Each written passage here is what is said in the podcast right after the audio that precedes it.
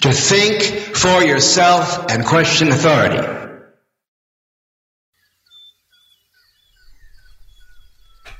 radionafali.com Witam Was wszystkich bardzo serdecznie w ten jakże piękny sobotni wieczór. Jak zwykle zaczynam jak to w jezioranach przystało, także słyszycie przestawianie mikrofonu. Zastanawiam się, czy na siedząco, czy na stojąco, czy w jakikolwiek inny sposób. Właśnie, mam nadzieję, że mnie wszyscy słyszycie. Jak tak się porobiło, że część urządzeń mi dzisiaj wysiadła, może nie tyle wysiadła, ile odmówiła chwilowo współpracy. I zanim urządzenia wrócą do współpracy, to nie wiem, czy mnie słyszycie, czy nie. Tak czy siak, słuchacie hiperprzestrzeni w radiu na fali. Ja mam na imię Tomek. Audycja jest też retransmitowana w radiu Paranormalium, także możecie słuchać z dwóch źródeł, a ściągać możecie tylko z jednego, z radia na fali. Także zapraszam Was, jeżeli chcecie sobie pościągać troszeczkę hiperprzestrzeni. Zapraszam do radia na fali, oczywiście do archiwum, także wszystko tam sobie poznajdujecie. Mam nadzieję, że Wam się poukłada to wszystko w jedną wielką układankę. Taki obsesyjny syndrom widzenia tego kosmicznego paternu. No właśnie, właściwie zapowiadana część, właściwie takie uzupełnienie. Bo miało być o tym e, wszystkich sprawach związanych z Quadridium. Pamiętacie? Cztery odcinki. Okazało się, że zabrakło czasu w tych czterech odcinkach, żeby zamknąć temat, wrócić troszeczkę do tych wszystkich oryginalnych opowieści, legend i w ogóle zastanowić się, co takiego przed nami. I to nie coś przed nami w takiej perspektywie może tysiąca lat, jakichś świetnych galaktyk, odległych rzeczy, tylko co przed nami w takiej bardzo bliskiej odległości czasowej, można powiedzieć. Chociaż czas jest bardzo względnym pojęciem, to jest tylko ilość, ilość czegoś, co trudno sformalizować, zwerbalizować, ilość przestrzeni, którą przebywamy w swojej własnej głowie, kiedy podróżujemy od punktu A do punktu B. To jest chyba najlepsza definicja czasu. I don't know. Mi przynajmniej taka chodzi po głowie, moi drodzy. Właśnie, a wy możecie śmiało wskoczyć jeszcze na radiowego Twittera. Radia na fali oczywiście. Możecie wskoczyć na radiowego Facebooka.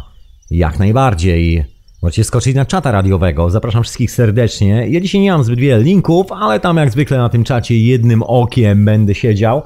Jak przystało na, na mnie podczas prowadzenia audycji. Pozdrawiam wszystkich słuchaczy offline. Gdziekolwiek byś nie był, słuchaczu, słuchaczko, czuj się pozdrowiony. Pozdrawiam zatem bardzo serdecznie i także tych, którzy są online, czyli wszystkich Was, którzy tu jesteście.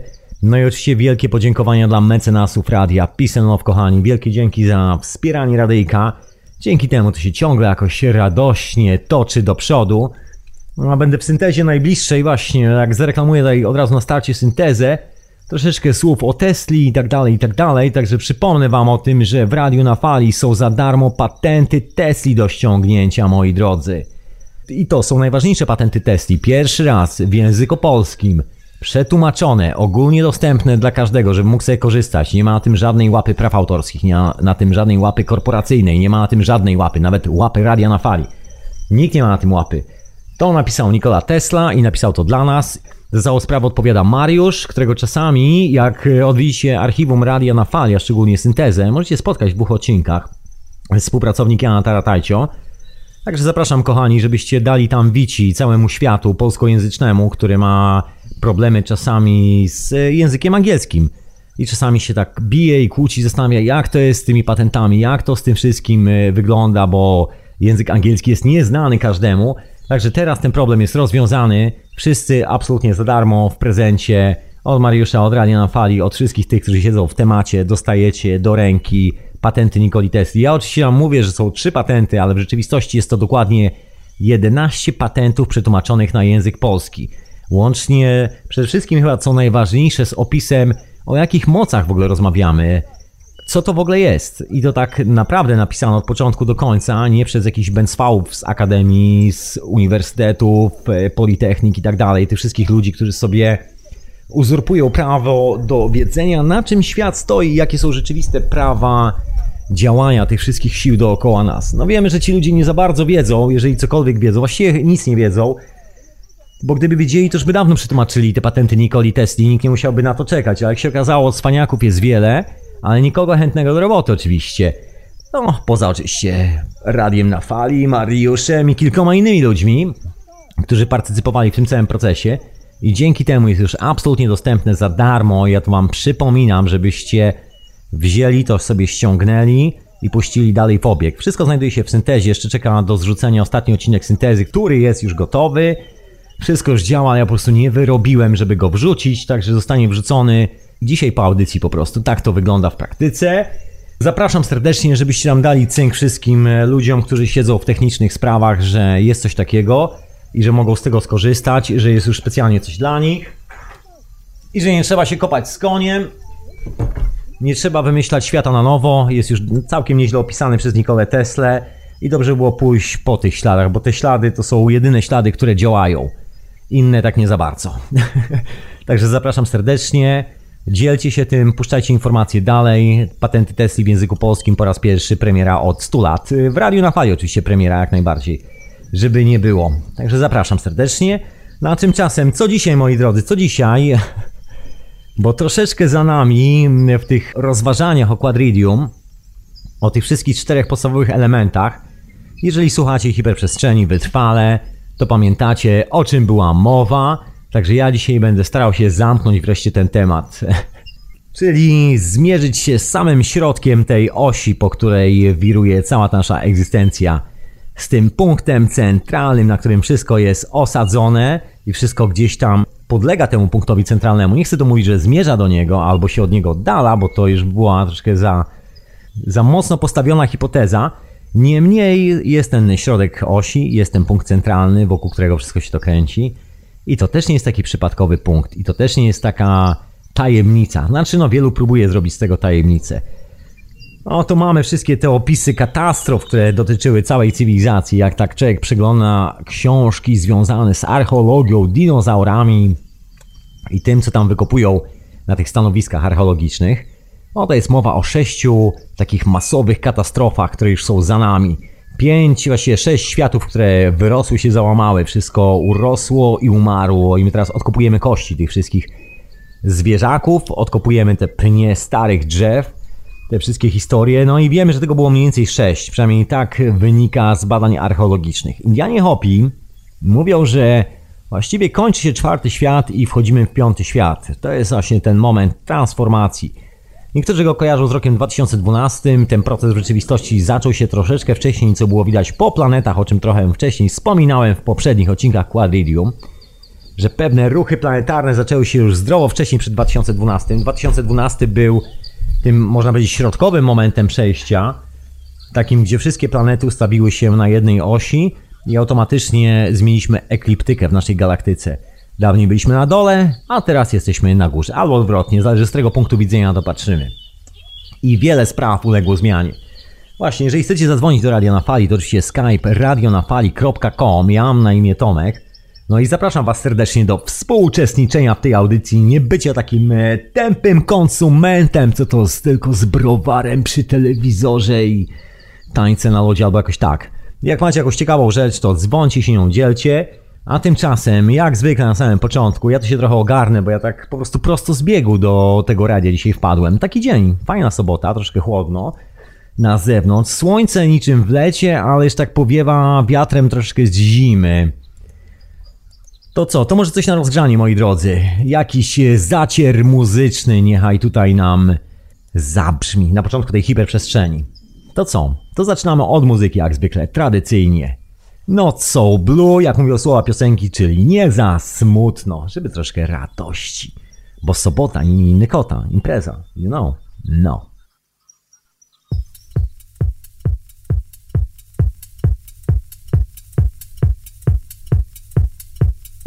Bye.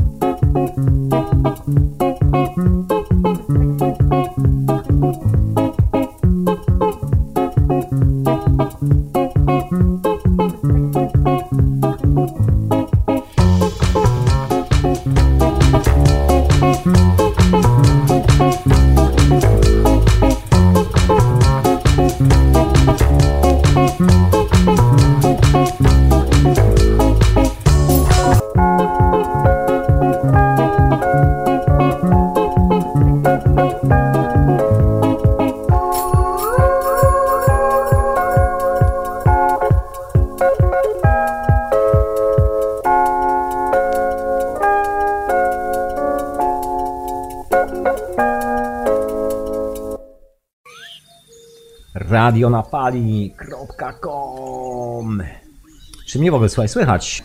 Ja tak zwykle sobie te wszystkie gałki pościszałem w dramatyczny sposób i myślałem, że mnie nie słychać, ale się okazuje, że mnie słychać.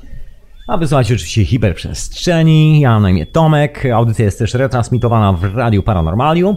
No i oczywiście do ściągnięcia wszystkie pozostałe odcinki przypominam w archiwum Radia na Fali, przepasnym archiwum się nazywa Audycje i Podcasty, a nie Archiwum, na górze w nawigacji. Także teraz już wiecie na 100% jak to znaleźć. No właśnie, no tak y, się rozgadałem w tych czterech odcinkach o tym Quadridium, o tej elementarnej strukturze, skąd się wziął właśnie symbol krzyża i tak dalej, i tak dalej, wszystkie te historie. I myślę, że czas najwyższy dzisiaj, tak jak wspomniałem, popchnąć temat troszeczkę dalej, bo wystarczyło czasu na opowiedzenie skąd to się wszystko wzięło, a nie wystarczyło czasu na opowiedzenie gdzie to właściwie zmierza. Przepraszam bardzo. No więc tak, opowiedziałem o tych wszystkich sprawach związanych z planetami, tylko jeszcze wspomnę, bo dzisiaj, e, dzisiaj poruszę kilka tematów, wątków, które tam się pojawiły w tych poprzednich odcinkach. A to może nie będę mówił, co wspomnę, a czego nie będę wspominał, po prostu polecę z tematem, polecę z tym koksem, tak jak trzeba od początku. Więc zacznijmy od grawitacji naszej radosnej planety. Oficjalny koncept klimatyczny wymyślony przez grupę klimatologów, e, to się nazywało w klubie paryskim, e, to jest rok 1970, ewentualnie 72 czy jakoś tak, stwierdzili, że wreszcie mają wielką maszynę, mają wielki komputer, którym policzą cały ten model klimatyczny i że oni już wiedzą, na jakiej zasadzie działa ten świat. No wzięło się to z prostego punktu widzenia, punktu widzenia banksterów, że skoro potrafią skorelować wszystkie krachy na giełdzie, wszystkie kryzysy z cyklami słonecznymi i mniej więcej mają taką rozpiskę tych cyklów, cykli słonecznych, no to wiedzą teraz co i jak i mogą z tego sobie planować cały świat do przodu. Szczególnie potencjalne zyski w tym świecie. No i opracowali sobie ten taki model klimatyczny. Ten model klimatyczny okazał się okan Dubska rozbić, taki bardzo cienki, wieśniacki algorytm pisany w latach 70 nie biorący pod uwagę chyba najważniejszych czynników, okazało się, że algorytm właściwie w ogóle nie chce działać, poza tym, że przewidział jakąś katastrofę klimatyczną dla planety Ziemia i właściwie teraz w tym roku, 2015, to my już powinniśmy być ugotowani czym żółtko na patelni. Przynajmniej to przewidywał ten moment klimatyczny. On mówił jasno i wyraźnie, że w miejscu, gdzie jest aktualnie Polska, będą rosły palmy. Ja pamiętam jeszcze gazetę, która śmie, śmie nazywać się prasą, chyba bardziej brukową, e, gazetę Michnika dokładnie, gdzie tam bardzo mądrzy naukowcy w latach 90. na samym początku pieli peany i w ogóle takie długie rozkminki, jak to młodzież mawia w dzisiejszych czasach, rozważania na temat, jak to świat ulega katastrofie i to jest wszystko związane z ociepleniem globalnym. Wcześniej to było CO2, znaczy przed CO2 jeszcze była ta dziura ozonowa i oni wszystko w ten model grawitacyjny, w ten model ten model klubu paryskiego, właśnie ten model komputerowy działania świata, okazało się, że wszystko to jest absolutną bzdurą, ale no, dla nas bzdurą. Oni myślę całkiem niezłe kariery na tych zrobili bzdurach. Część z nich dostała nawet ciężkie granty, część z nich sobie zrobiła tytuły naukowe i dalej nimi świeci na ścianach. Takie czasy. No ale jak to jest z tą grawitacją właśnie owej planety Ziemi? Czy jak jest z rzeczywistymi faktami, a tym konceptem, który nam się wtłacza do głowy, że, że coś jest tak, a inaczej, bo ktoś kiedyś tak powiedział i mamy w encyklopedii, ktoś napisał 100 lat temu i tak już jest. Więc okazuje się, że grawitacja Ziemi właściwie niewiele ma wspólnego, przynajmniej nie wiadomo, że może to będzie bezpieczniejsze określenie. Wygląda na to, że niewiele ma wspólnego z tym, co naukowcy planują, żeby było w centrum naszej Ziemi, czy jakąś reakcję jądrową. No i tam widzą pustą Ziemię i że w ogóle wszystko jest wywrócone do góry nogami, ale tego konceptu się nie będę podnosił to zostawiam, całą tą Hollow Earth idea, czyli ziemia wewnątrz ziemi, wewnętrzna ziemia właściwie. To jest po drodze, ale, ale nie dzisiaj, pewnego dnia o tym wspomnę. Anyway. No i się okazuje, że te zjawiska magnetyczne, które my nazywamy biegunem północnym i południowym, są związane nie z jakimiś fantastycznymi opowieściami o tym, jak to termojądrowe jądro planety Ziemia wybucha i tak dalej, tylko jest związane z oceanami. I okazuje się, że ostatnio zaczęło się bardzo drastycznie przemieszczać, jest taki fenomen, bo ono się nie przemieszcza pod płytami tektonicznymi, tak jak mówi ta oficjalna teoria, że jeżeli jest takie jądro ziemi magnetyczne, które jest e, kipiącym, wrzącym metalem i ono ma tą swoją polaryzację w lewo albo w prawo, no to te pole magnetyczne, niezależnie od tego, czy jest skrupa ziemska, czy nie, się wszędzie będzie przemieszczało. Eksperyment z magnesami, moi drodzy.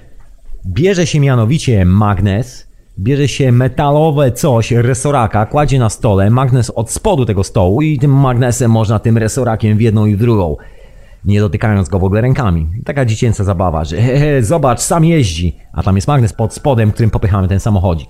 I generalnie, jeżeli byłoby tak, jak mówią owi wszyscy ci kolesie z dyplomami, to generalnie cała historia związana z grawitacją ziemską, z przemieszczaniem się owych centrów owej grawitacji dotyczyłaby bardziej lądów, ponieważ w lądzie jest więcej hmm, metali, więcej zjawisk, które nazywamy kondensującymi, czyli tam się może lepiej zamanifestować, a nie manifestuje się tam.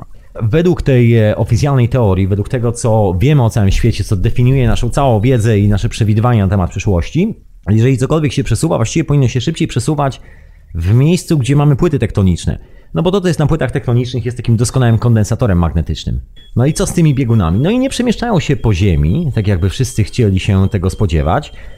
Nic z tego nie chce wychodzić za bardzo, natomiast y, doskonale przemieszczają się po wodzi. Teraz, tak jak wspominałem, te wszystkie bieguny magnetyczne zjechały praktycznie z tych górnych końcówek tej planety, czyli z Grenlandii, Arktyki, zjechały sobie w dół. Jedno znajduje się aktualnie w centrum Pacyfiku, a drugie znajduje się w centrum Atlantyku. Taki fenomen, właściwie nie całe pola, tylko jakby się tak rozciągnęły w bardzo dziwny sposób. Nikt nie jest w stanie tego wyjaśnić. Według oficjalnych oczywiście standardów naukowych, według nieoficjalnych standardów naukowych, czyli używając swojej własnej głowy, odrobiny logiki i po prostu robiąc eksperymenty w domu, każdy może zrobić sobie taki prosty eksperyment, o co chodzi z tym polem magnetycznym, dlaczego pole magnetyczne tak propaguje i dlaczego lubi propagować w ten sposób. No odpowiedź jest e, trywialnie prosta. Proszę sobie wziąć taki kompas harcerski, jeżeli macie, który wskazuje północ, południe i w ogóle kierunki planety Ziemia.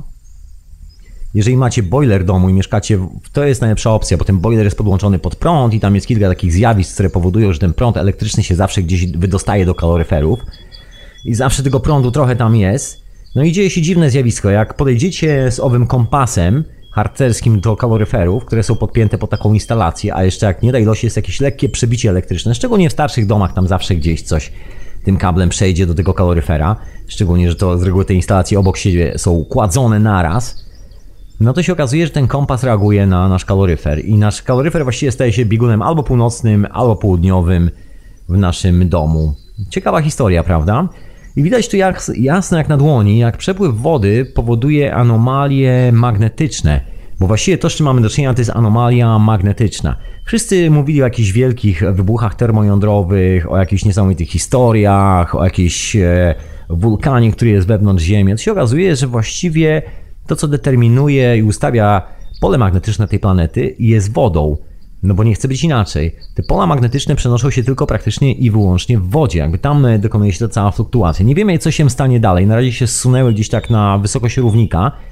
Nikt tego do końca nie wie. No i to jest ten fakt e, naprzeciwko całej tej mitologii związanej z konceptem klimatycznym, z tym, że niby rozumiemy, jak funkcjonuje cała ta planeta. No, wygląda na to, że chyba nie za bardzo, bo o ile nie zabrakło grubych milionów na wyposażenie gigantycznych laboratoriów, zderzaczy, cząsteczek i wszystkich tych rzeczy, i tam miliony i granty lecą tłustym strumieniem, się sypie gotowa, prawie wręcz z ciężarówek, to nikt nie miałby chyba wystarczająco pomysłów y, i chyba rozsądków w głowie, żeby podejść z kompasem do koloryfera i sprawdzić, co się dzieje, kiedy sprawdzimy ten system e, w sensie jako system otwarty, czyli tak jak to funkcjonuje w planecie, nie jako coś zamkniętego w pudełku, tylko po prostu pomierzymy sobie, jak wyglądają te wszystkie napięcia i naprężenia do, energetyczne dookoła nas. Te całe promieniowanie magnetyczne, magnetyzm jest właściwie dokładnie jedną z form owych energii, co tu dużo mówić.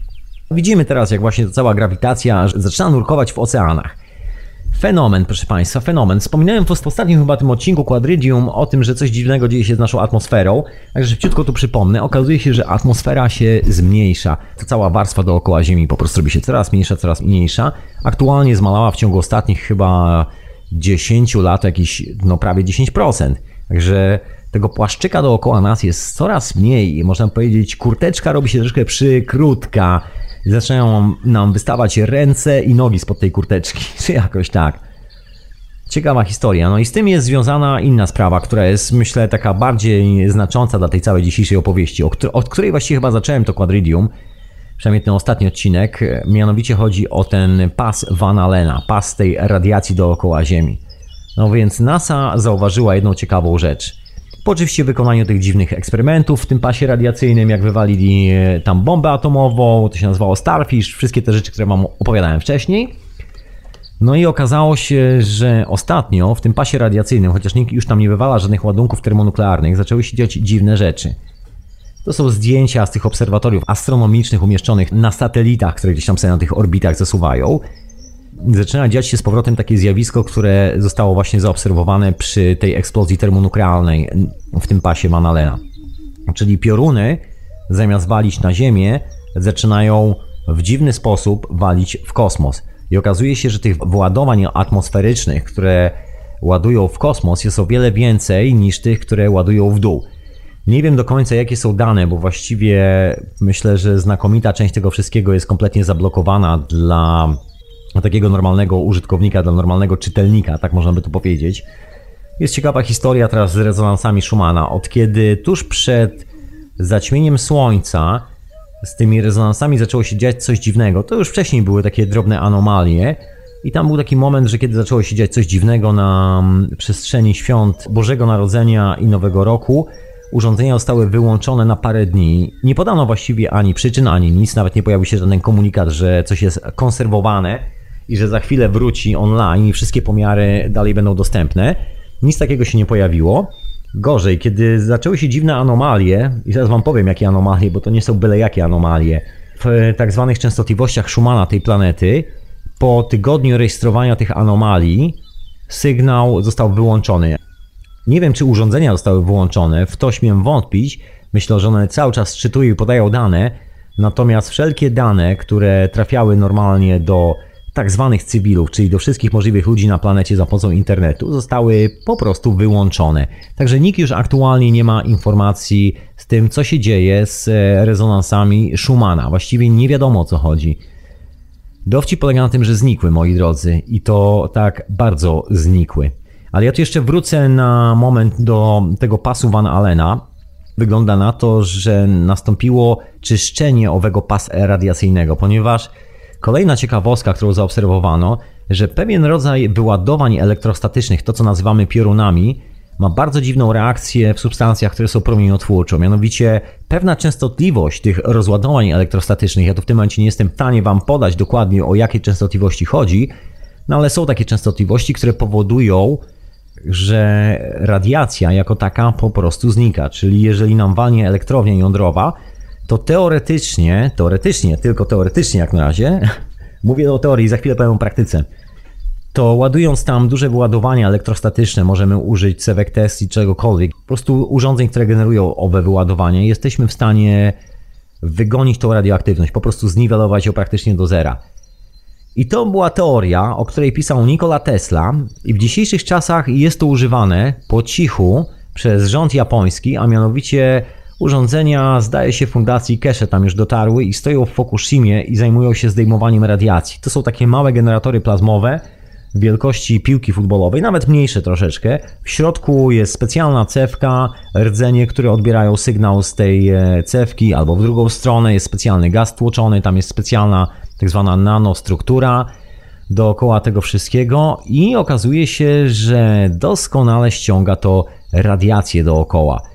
Nie wiem ile tego tam postawili, nie wiem co z tym robią, nie wiem jak wyglądają badania, bo to wszystko jest objęte ciężką rządową tajemnicą, oni się boją podawać jakichkolwiek informacji na ten temat. No bo normalne jest to, że jak wywaliło tą elektrownię, to właściwie pół Japonii jest skażone i informacja o tym, że jest coś takiego, co ściąga to promieniowanie radioaktywne, jest automatycznie związana z tym, że musiano by podać do wiadomości publicznej, jak duże jest to skażenie. Także to są dwie rzeczy, które się nawzajem wykluczają. I wracając do tego pasu Van Allena, dokładnie to samo zjawisko zaobserwowało właśnie NASA, że jest e, gigantyczna ilość tych władowań atmosferycznych i właściwie jedyne wyjaśnienie, jakie jest dookoła tego, no to jest takie bardzo proste, że atmosfera, taka ziemska atmosfera pełna, zaczęła się oczyszczać. Bo my oczywiście jako atmosferę nie traktujemy pasu Van Allena. To jest coś, co jest dla nas takim troszkę abstraktem. Jest tam też sprzedawane jako coś, co już nie należy do Ziemi, jest częścią kosmosu, a nie a nie tej planety. Co w rzeczywistości jest kłamstwem, bo właściwie pas Van Allena jest dokładnie tym pączkiem dookoła Ziemi, który ochrania nas przed nadmierną propagacją tej kosmicznej energii, tak żeby życie mogło się toczyć na tej planecie. Taka elementarna sprawa jest jakby część naszego całego ekosystemu. te wyładowania, kiedy zaczęły się pojawiać w tym pasie Van Allena, zaczęła spadać właśnie radioaktywność wywołana różnymi dziwnymi ludzkimi działaniami w owym pasie. No i zaczęła dziać się jeszcze kolejna rzecz. Oprócz tego czyszczenia właśnie takiego automatycznego, zaczęło się dziać, moi drodzy, dziwne zjawisko. Powstawanie trzeciego pasma tych częstotliwości w tym właśnie pasie Van Allena, to ja może szybciutko wytłumaczę o co tu chodzi. Normalnie ten pas składa się jakby z dwóch takich pączków złożonych na siebie. Jeden, można powiedzieć, ma polaryzację dodatnią, drugi polaryzację ujemną, czyli jeden odpycha, drugi przyciąga. Coś w ten sposób. I one, że tak powiem, cały czas tak funkcjonują ze sobą. Troszkę jak takie dwie obrączki na palcu, które się przeplatają nawzajem. No i się okazuje, że pomiędzy tymi przeplotami tych dwóch podstawowych energii, które postulowano w tym właśnie pasie Van Allena, ostatnio pojawiła się trzecia. Taka ciekawa. Nikt właściwie nie wie o co chodzi. Wiadomo, że jest to bardzo mocno połączone z polem magnetycznym całego kosmosu i praktycznie polem magnetycznym naszej Ziemi.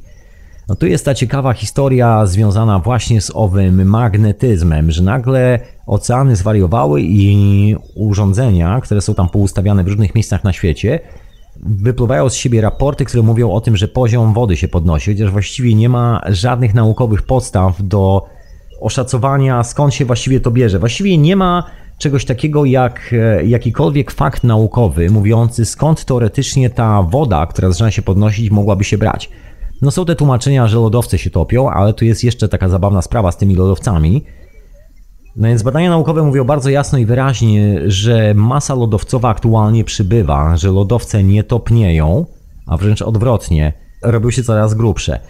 Oczywiście jest dużo teoretyków dookoła ludzi zaangażowanych w zarabianie pieniędzy z globalnego ocieplenia wywołanego działaniem człowieka.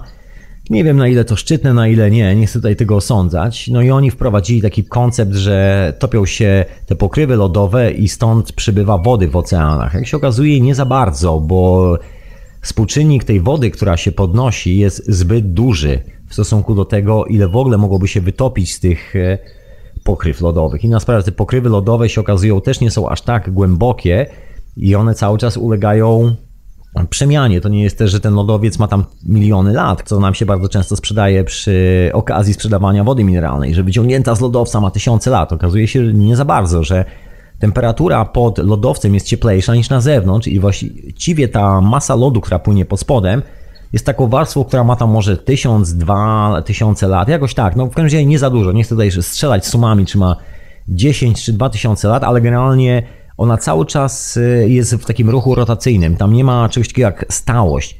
Dlatego jest taki problem y, z pomiarami, sprawdzeniem tego, co się w ogóle działo na Ziemi w ciągu ostatnich, nie wiem, tysięcy lat, bo nawet jeżeli wbijamy tą taką okrągłą rurę w ten lodowiec i wyciągamy ten gigantyczny sopel i zaczynamy go badać, krojąc na plasterki, jak niczym kanapkę, i sprawdzać, jaka była zawartość tlenu w powietrzu, jaka była zawartość innych substancji chemicznych na tej planecie jakieś ileś tam set tysięcy lat temu, kiedy ten lodowiec zamarzał, to się okazuje, że właściwie no nie za bardzo jesteśmy w stanie cokolwiek określić, bo nie jesteśmy w stanie datować tego lodowca. Są bardzo dziwne anomalie przy tym wszystkim.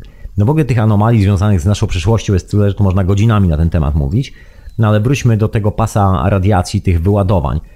No więc jest w tym taka bardzo ciekawa sprawa związana z czymś, co zaobserwował gentleman o nazwie Wilhelm Reich, nawet zrobił tego zdjęcia. Nie on jeden, bo i Nikola Tesla zaobserwował takie rzeczy. Mianowicie poza połączeniem magnetyzmu z wodą, że tak jak księżyc, kiedy jest pełnia księżyca, jest przypływ. Woda w oceanach rośnie, ponieważ nic się nie topi, żaden dodatkowy lodowiec nie znika w oceanie, wcale nie przybywa tej wody. Wody jest dokładnie tyle samo, ile było, ale w ciągu paru godzin ta woda się potrafi idealnie podnieść do góry. Wygląda na to, że w momencie, kiedy nasze bieguny magnetyczne się zsunęły do oceanów, to one automatycznie zaczęły się podnosić, ponieważ w ogóle zachodzą bardzo dziwne zjawiska magnetyczne w całej naszej galaktyce. Mówiłem o tym, że Wenus zwalnia na swojej orbicie. Mówiłem o tym. O tych wszystkich pozostałych kosmicznych historiach. No i co to ma wspólnego z owymi prądami i z owym dziwnym zdjęciem i zjawiskiem zauważonym przez i Tesla i Wilhelma Reicha? No więc mianowicie chodzi o zjawisko fantomowych piorunów. Dziwna nazwa.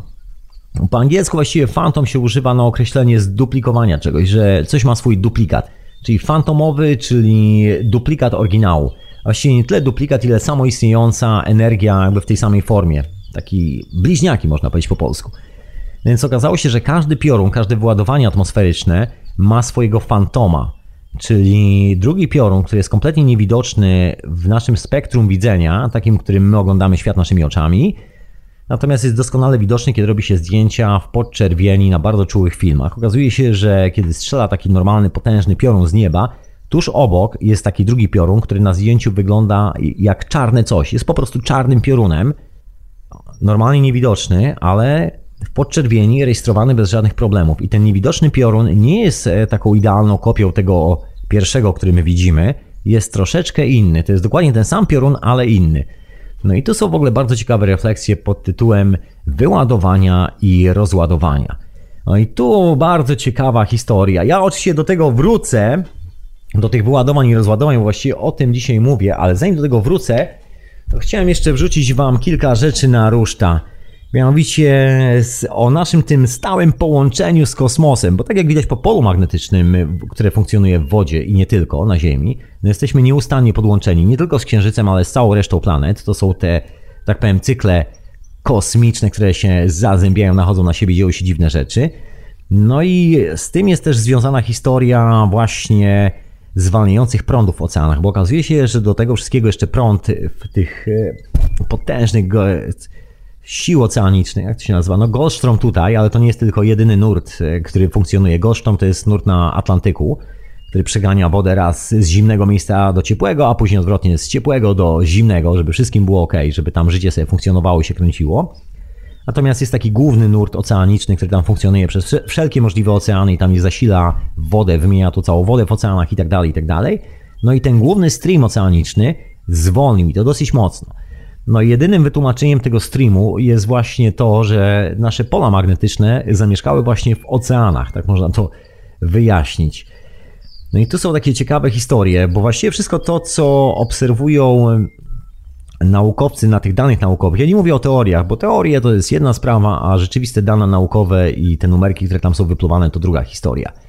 No i te numerki jasno i wyraźnie pokazują, że wyglądamy jak w przeddzień kolejnej epoki lodowcowej. Ale czy na pewno? No właśnie. Czy na pewno? No bo mamy zmniejszającą się ilość radiacji słonecznej, która dociera do Ziemi. No i mamy też takie bardzo ciekawe historie, jak grupę ludzi, którą popularnie nazywamy banksterami, która korzysta z cykli słonecznych, projektując te wszystkie kryzysy na świecie, te wszystkie wojny i katastrofy, po to, żeby wstrzelić się w to idealne miejsce. No więc oczywiście Część z Was być może zahaczyła o taki news w zeszłym roku, jak to szefowa się nazywa Międzynarodowy Fundusz e, Światowy, czy jakoś tak, IMF, Bank Światowy. Na jakiejś takiej dziwnej prelekcji ciągle się odwoływała do siódemek. Mówiła 7, 7, musimy tylko do siedmiu i tak dalej, i tak dalej. Nie zapominajmy o siódemce. 7, 7, 7. No i kiedy tak sobie dodamy te cykle, to się okazuje, że chyba oni wiedzą o czym mówią, że tam ludzie bardziej wierzą w cykle i bardziej sobie z tego zdają sprawę niż ci, którzy siedzą przed telewizorami, łoją browara i oglądają ostatnią hollywoodzką produkcję, bo zapomnieli o tym, że mają swoje własne życie i oglądają cudze życie w cudzym filmie. Się okazuje, że to za 7 lat, proszę Państwa, to będzie 2022 rok i teoretycznie według tych klasycznych zasad znaczy według klasycznych zasad, według tej prognozy, która do tej pory się częściowo sprawdzała, częściowo nie, aktywność Słońca powinna być taka właśnie wręcz idealna do zrobienia globalnego kryzysu światowego, globalnej wojny, wywołania jakiegoś gigantycznego konfliktu i zarobienia na tym jeszcze większej kasy. Była taka próba w 2013 roku, Kolejny taki pik e, przypada na 2019 rok, wtedy się zaczyna, bo to wszystko to są procesy. My nigdy nie mówimy o jednej dacie, że jest piątek 13 i od tego momentu wszystko jak w bajce się zaczyna dziać. W tym momencie otwiera się historia. To nie wygląda w ten sposób, to jest proces. I oni sobie doskonale zdają z tego sprawę. Absolutnie, przynajmniej ten cały bank światowy, wszyscy ci banksterzy. I oni wiedzą, że muszą się przygotować do tego procesu żeby zaaplikować pewne scenariusze i pewne rozwiązania, trzeba przycisnąć grupę ludzi do ściany i wyprodukować taką sytuację. Z tym pikiem e, jest taka ciekawa historia, bo jest oczywiście moment piku, który, znaczy jest pik, czyli ten moment do góry, i jest ten moment, kiedy wszystko schodzi na dół. Przygotowania zaczynają się, kiedy wszystko schodzi na dół. I te przygotowania teoretycznie powinny się zacząć w 2017 roku, bo to jest ten najlepszy moment na robienie według kosmologicznych cyklów owych przygotowań do właśnie 2019 roku. W 2019 roku prawdopodobnie trzeba było już tą maszynę zacząć poważnie wytaczać, że tak powiem, na ulicę. do różnych instytucji, żeby powstawało takie troszkę prawo, które temu sprzyja, po to, żeby w 2022 zrobić kolejny taki big hit, taki big shot, który będzie przypominał połączenie II wojny światowej i kryzysu z 28 roku. Tak to wygląda. To są e, oficjalne historie, moi drodzy. To nie jest tak, że tu sobie ktoś coś wymyśla, że ktoś, e, że tak powiem, naczytał się ezoterycznych książek i tam e, powymyślał, miał wizji i tak dalej. To oczywiście inna sprawa, że wiele wizji, wiele historii, które się dzieją dookoła tego zjawiska, bardzo mocno to potwierdza, bo jest to pattern, który jest bardzo jasno i wyraźnie widoczny. Z dzisiejszej perspektywy można tak powiedzieć. Naprawdę dobrze go widać. Jeżeli ktoś nie jest ślepy, to, to widzi to jak na dłoni. No i te rzeczy się na siebie nakładają. To, że ludzie mówią, że widzą pewne zjawiska, które nadchodzą, to jest czymś normalnym. No i tu się okazuje, że nie jest to tylko kwestia widzenia, nie jest to kwestia metafizyki, nie jest to kwestia jakichś takich odlecianych spraw, którejś tam gęstości, jest to coś, co tutaj dotyczy nas dosyć mocno na ziemi. Wygląda, że banksterzy się tu już przyszykowali i już se tam planują imprezkę na 2019 rok. Czyli od 2014 roku plus 7 lat to będzie 2002 rok i wtedy ma być taki big hit, big hit. I oni są na tyle bezczelni, że im się wydaje, że te prognozy naprawdę działają. Inna sprawa, że z tymi prognozami się mocno przestrzelili, bo aktywność słoneczna miała się zacząć e, dokładnie wtedy, kiedy wieżowce w Nowym Jorku zostały wyburzone za pomocą specjalnych ładunków przygotowanych przez CIA i administrację amerykańską, która postanowiła w imię Bilonu z Babilonu na ołtarzu złożyć taką ofiarę z ludzkiego życia, żeby jeszcze więcej pieniędzy było w portfelu i żeby jeszcze większą ilość populacji kontrolować swoimi różnymi szalonymi pomysłami i sprawdzać to wszystko w praktyce na żywym organizmie. No ale się okazało, że nie zadziałało. Miała być wielka historia, miało się zacząć coś naprawdę dużego, mocnego, ale aktywność Słońca nie przyszła, a wręcz odwrotnie. Okazało się też dodatkowe kilka spraw, takie jak na przykład to, że globalna świadomość, czyli to, że my sobie pomyśleliśmy o czymś, wszyscy razem dotarł do nas pewien fakt, do naszej świadomości, że stało się coś bardzo niedobrego, spowodował takie dosyć mocne obniżenie, że tak powiem, intensywności wszystkich częstotliwości na tej planecie i to nawet takich pomierzalnych, bo tam to wszystko rejestrowano na maszynach. I widać było jak normalnie jest na przykład w skali od 1 do 10 idzie gdzieś tak na piątce ten cały sygnał, to nagle jest ciach i sygnał w dół, do zera praktycznie i już idzie na jedynce. Taki ogólny dół, ogólny dół społeczny, wszyscy załapali dużego doła się okazało, że ten wielki hit, który miał być, ta aktywność słoneczna, która miała sprzyjać tym ludobójcom, tym ludziom, którzy składają ofiary z innych ludzi, czyli wszystkim bankierom na świecie, którzy uwielbiają zabijać w białych rękawiczkach. Taki klan morderców, ale w białych rękawiczkach. On sam nie pociągnie za pistolet. On po prostu wynajmie armię, która nawet nie pociągnie za pistolet, oni, oni to maczetami zrobią. Oni mi jeszcze kupi te maczety do tego wszystkiego. No i ci ludzie doskonale o tym wiedzą. I wszystko jest już tak dosyć mocno zaplanowane, przy czym e, najzabawniejsza jest ich wielka ignorancja i buńczuczność, że oni są na tyle bezczelni, że są w stanie wyjść. I taka pani Lagarde jest w stanie mówić o tym, że za 7 lat e, wszyscy kupimy sobie nowszy model Rolls Royce'a, czy coś w tym stylu, jakby ten, którym jeżdżą teraz się zaczyna psuć. No, nie wiem o co tu chodzi. Tym ludziom nikt chyba nie za bardzo nie wie o co im chodzi. Ja podejrzewam, że oni sami nie wiedzą o co im chodzi. Ale to już rozmowa na inny temat, który zamierzam tutaj poruszyć, czyli to, czym się zajmuje w rzeczywistości Fundacja Rockefellera, bo to jest, myślę, taka ilustracja, która doskonale pokazuje skalę szaleństwa, która objęła te tępe umysły, które po prostu chwyciły się za te dziwne rzeczy. Zacznijmy łączyć te wszystkie rzeczy razem do kupy. Ale zanim zaczniemy łączyć, to oczywiście tu sobie włączę jakąś muzyczkę, moi drodzy, żeby nie było tak, że ja tu ciągle gadam i posłuchajmy sobie jakieś muzyczki i zaczniemy łączyć te wszystkie elementy w całość. Ten pas Van Allena, te pioruny, które nagle zaczęły strzelać w drugim kierunku, nie do Ziemi, tylko w kosmos, te cykle, między innymi siedmioletnie, cykle Słońca, znikająca radiacja słoneczna, która dociera do Ziemi, zanikająca troszeczkę ta otoczka naszej planety hmm, i zmieniające się pola magnetyczne, też w swoim specyficznym cyklu. Ale to po muzyce, moi drodzy, a wysłuchacie hiperprzestrzeni w Radio na Fali, a na imię Tomek.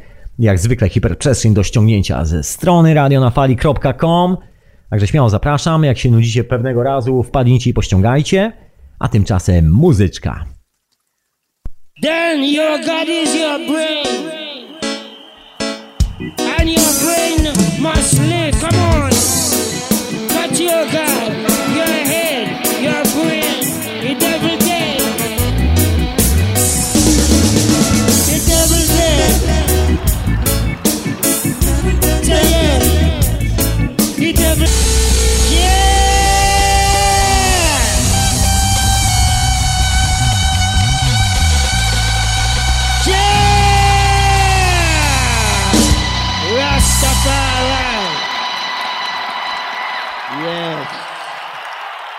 Yes, blessed beloved.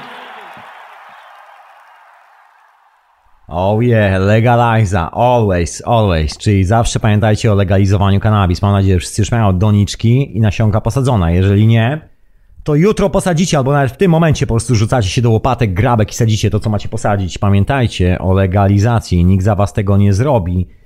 Rządy nie są zainteresowane tym, żeby ich służby wywiadowcze zarabiały mniej pieniędzy, a wy, żebyście nie umierali na raka. Oni są zainteresowani tym, żebyście wszyscy zdychali jak bydło, a oni będą na tym zarabiać tak jak do tej pory zarabiali. Także polecam e, sobie przytulić jakąś doniczkę i zalegalizować kanabis i jeżeli wyrosną fajne zbiory, to się po prostu z kimś podzielić, kto na, przy, na przykład ma padaczkę albo kilka innych schorzeń. Także polecam serdecznie. Ta akcja w radiu na fali się nigdy nie kończy, akcja legalizacji, także wszystkich oportunistów, hipokrytów. Tutaj e, chciałem przywołać do porządku troszeczkę, żeby się ogarnęli i zamiast robić propagandę, która sprzyja zabawie w ludzi i nad ludzi, że ktoś może być panem cudzego życia, tak jak polski rząd stał się doktorem Mengele w przypadku ludzi posiadających raka i inne schorzenia. No, przejść na drugą stronę polecam lepszy, lepszy efekt to daje w rzeczywistości, zamiast powtarzania tych hipokryzji. Ale to zostawiamy kanabis, zostawiamy wszystkie te rzeczy, wracamy do tych wszystkich zmian, które też myślę są związane z kanabis. Bo kanabis ma bardzo specyficzną sygnaturę, sygnaturę planety Wenus, ale to może o tym troszkę później. Zresztą wspomniałem o tym ostatnio troszeczkę. No właśnie, wracając do tych wszystkich rzeczy, do tego wszystkiego, co się dzieje, wspomniałem w ostatnim quadridium o tej chmurze wodoru, która się zasuwa przez galaktykę, która się tam przyspiesza a jakąś koszmarną prędkość. No właśnie, bo historia z tą chmurą e, jest dosyć intrygująca. Ona była tam namierzana przez te radary typu Hubble e, i tak dalej, i tak dalej przez ileś tam lat.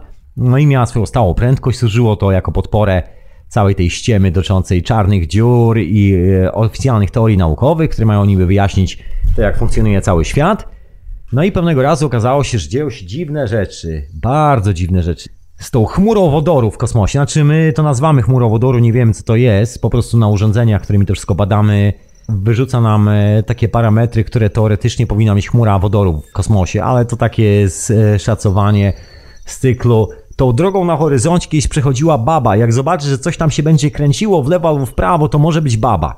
No i wszyscy przyjęli za pewnik, że tak, ktokolwiek idzie tam tą drogą gdzieś na horyzoncie, którą ledwo co widać, to na pewno jest baba. A tam, a tam może sobie przybiegać koń, moi drodzy, a nie baba. A może iść chłop, a może iść dwóch chłopów. No właśnie, ale dla nas to jest już baba. No i e, nazwaliśmy to chmurą wodoru. No i generalnie ona sobie zasuwa przez ten kosmos, przez tą galaktykę. I była niejako takim punktem odniesienia troszkę jak wygląda ten ruch spinowy w galaktyce, jakie prędkości tam funkcjonują. No ale okazała się bardzo taka ciekawa historia. W cyklu siedmioletnim ta chmura wodoru zastanawiająco przyspieszyła i przyspieszyła tak dwukrotnie. Nie jednokrotnie, nie pięciokrotnie, przyspieszyła dwukrotnie swoją prędkość w stosunku do tego cyklu, który był 7 lat wcześniej. 7, 8 e, do 10 lat maksymalnie, mniej więcej tak wyglądają te cykle. One są tak samo reprezentowane przez cykle naszego Słońca, cykle planet. Wszędzie dookoła wygląda na to jest dokładnie ta sama struktura, którą my nazywamy cyklami. No i jak przyspieszyła, to przyspieszyła do prędkości, teraz jest, specjalnie zapisałem, żeby nie robić takiego ząka i się nie mylić, 8 milionów kilometrów na godzinę. 8, przepraszam, 8 miliardów kilometrów na godzinę. Czyli z taką prędkością i cały czas przyspiesza i cały czas zasuwa do samego centrum galaktyki i przyspiesza. Teraz jest już w okolicy samego centrum, Został nam chyba rok czasu, chociaż właściwie wygląda na to, że wszystko się wydarzy dokładnie w tym roku, tu i teraz, 2015 rok. No właśnie, za chwilę to wszystko doleci do centrum galaktyki, za chwilę dojdzie ta fala, nikt nie wie jaka, nikt nie wie co się wydarzy. Szacunki mówią o 2018 roku i podają właśnie tą datę jako miejsce, w którym jeżeli cokolwiek walnie w centrum galaktyki, to prawdopodobnie zdąży dolecieć i owiać nas tą całą swoją energią. To generalnie zobaczymy po prostu impact, zobaczymy co się będzie działo. Bo ponoć są takie duże dystanse. No ale tu pojawia się takie bardzo ciekawe zjawisko, zjawisko tak zwanej antykorelacji, o którym już wspomniałem, które występuje ze Słońcem, cyklami słonecznymi, planetami w naszym układzie słonecznym i w naszym układzie galaktycznym i wieloma innymi rzeczami. To zjawisko w ogóle występuje przede wszystkim w nas i w ogóle na tej planecie. Tu, żeby to wyjaśnić chyba najszybciej, jak się posłużę Przykładem z siatki geomancyjnej to są te punkty na Ziemi, w których są stawiane różne dziwne budynki albo były stawiane, później współczesne teologie, różne religie i psychopaci to przejęli. Tam się teraz buduje katedry, kilka innych miejsc. Jak na ironię, słuchajcie, po zbadaniu tych wszystkich miejsc okazuje się, że znakomita większość owych punktów mocy na owej siatce geomancyjnej Ziemi to są miejsca po byłych wulkanach albo po dużej aktywności wulkanicznej. I to tak dosyć mocno. Się okazuje, że praktycznie to jest taką naturą tych wszystkich miejsc, że jeżeli stoi tam jakiś kamienny krąg, który stoi od tysięcy lat, to prawdopodobnie był tam kiedyś wulkan. I jeżeli się wbije łopatę i zacznie robić wykopaliska archeologiczne, to faktycznie są pozostałości i skał wulkanicznych i wszystkich tych historii związanych właśnie z tymi erupcjami tej potężnej masy skalnej. I nikt właściwie nie wie dlaczego, oficjalnie oczywiście, no ale wygląda tutaj, że Ziemia przejmuje te pola magnetyczne z innych planet. To też jest dosyć ciekawe.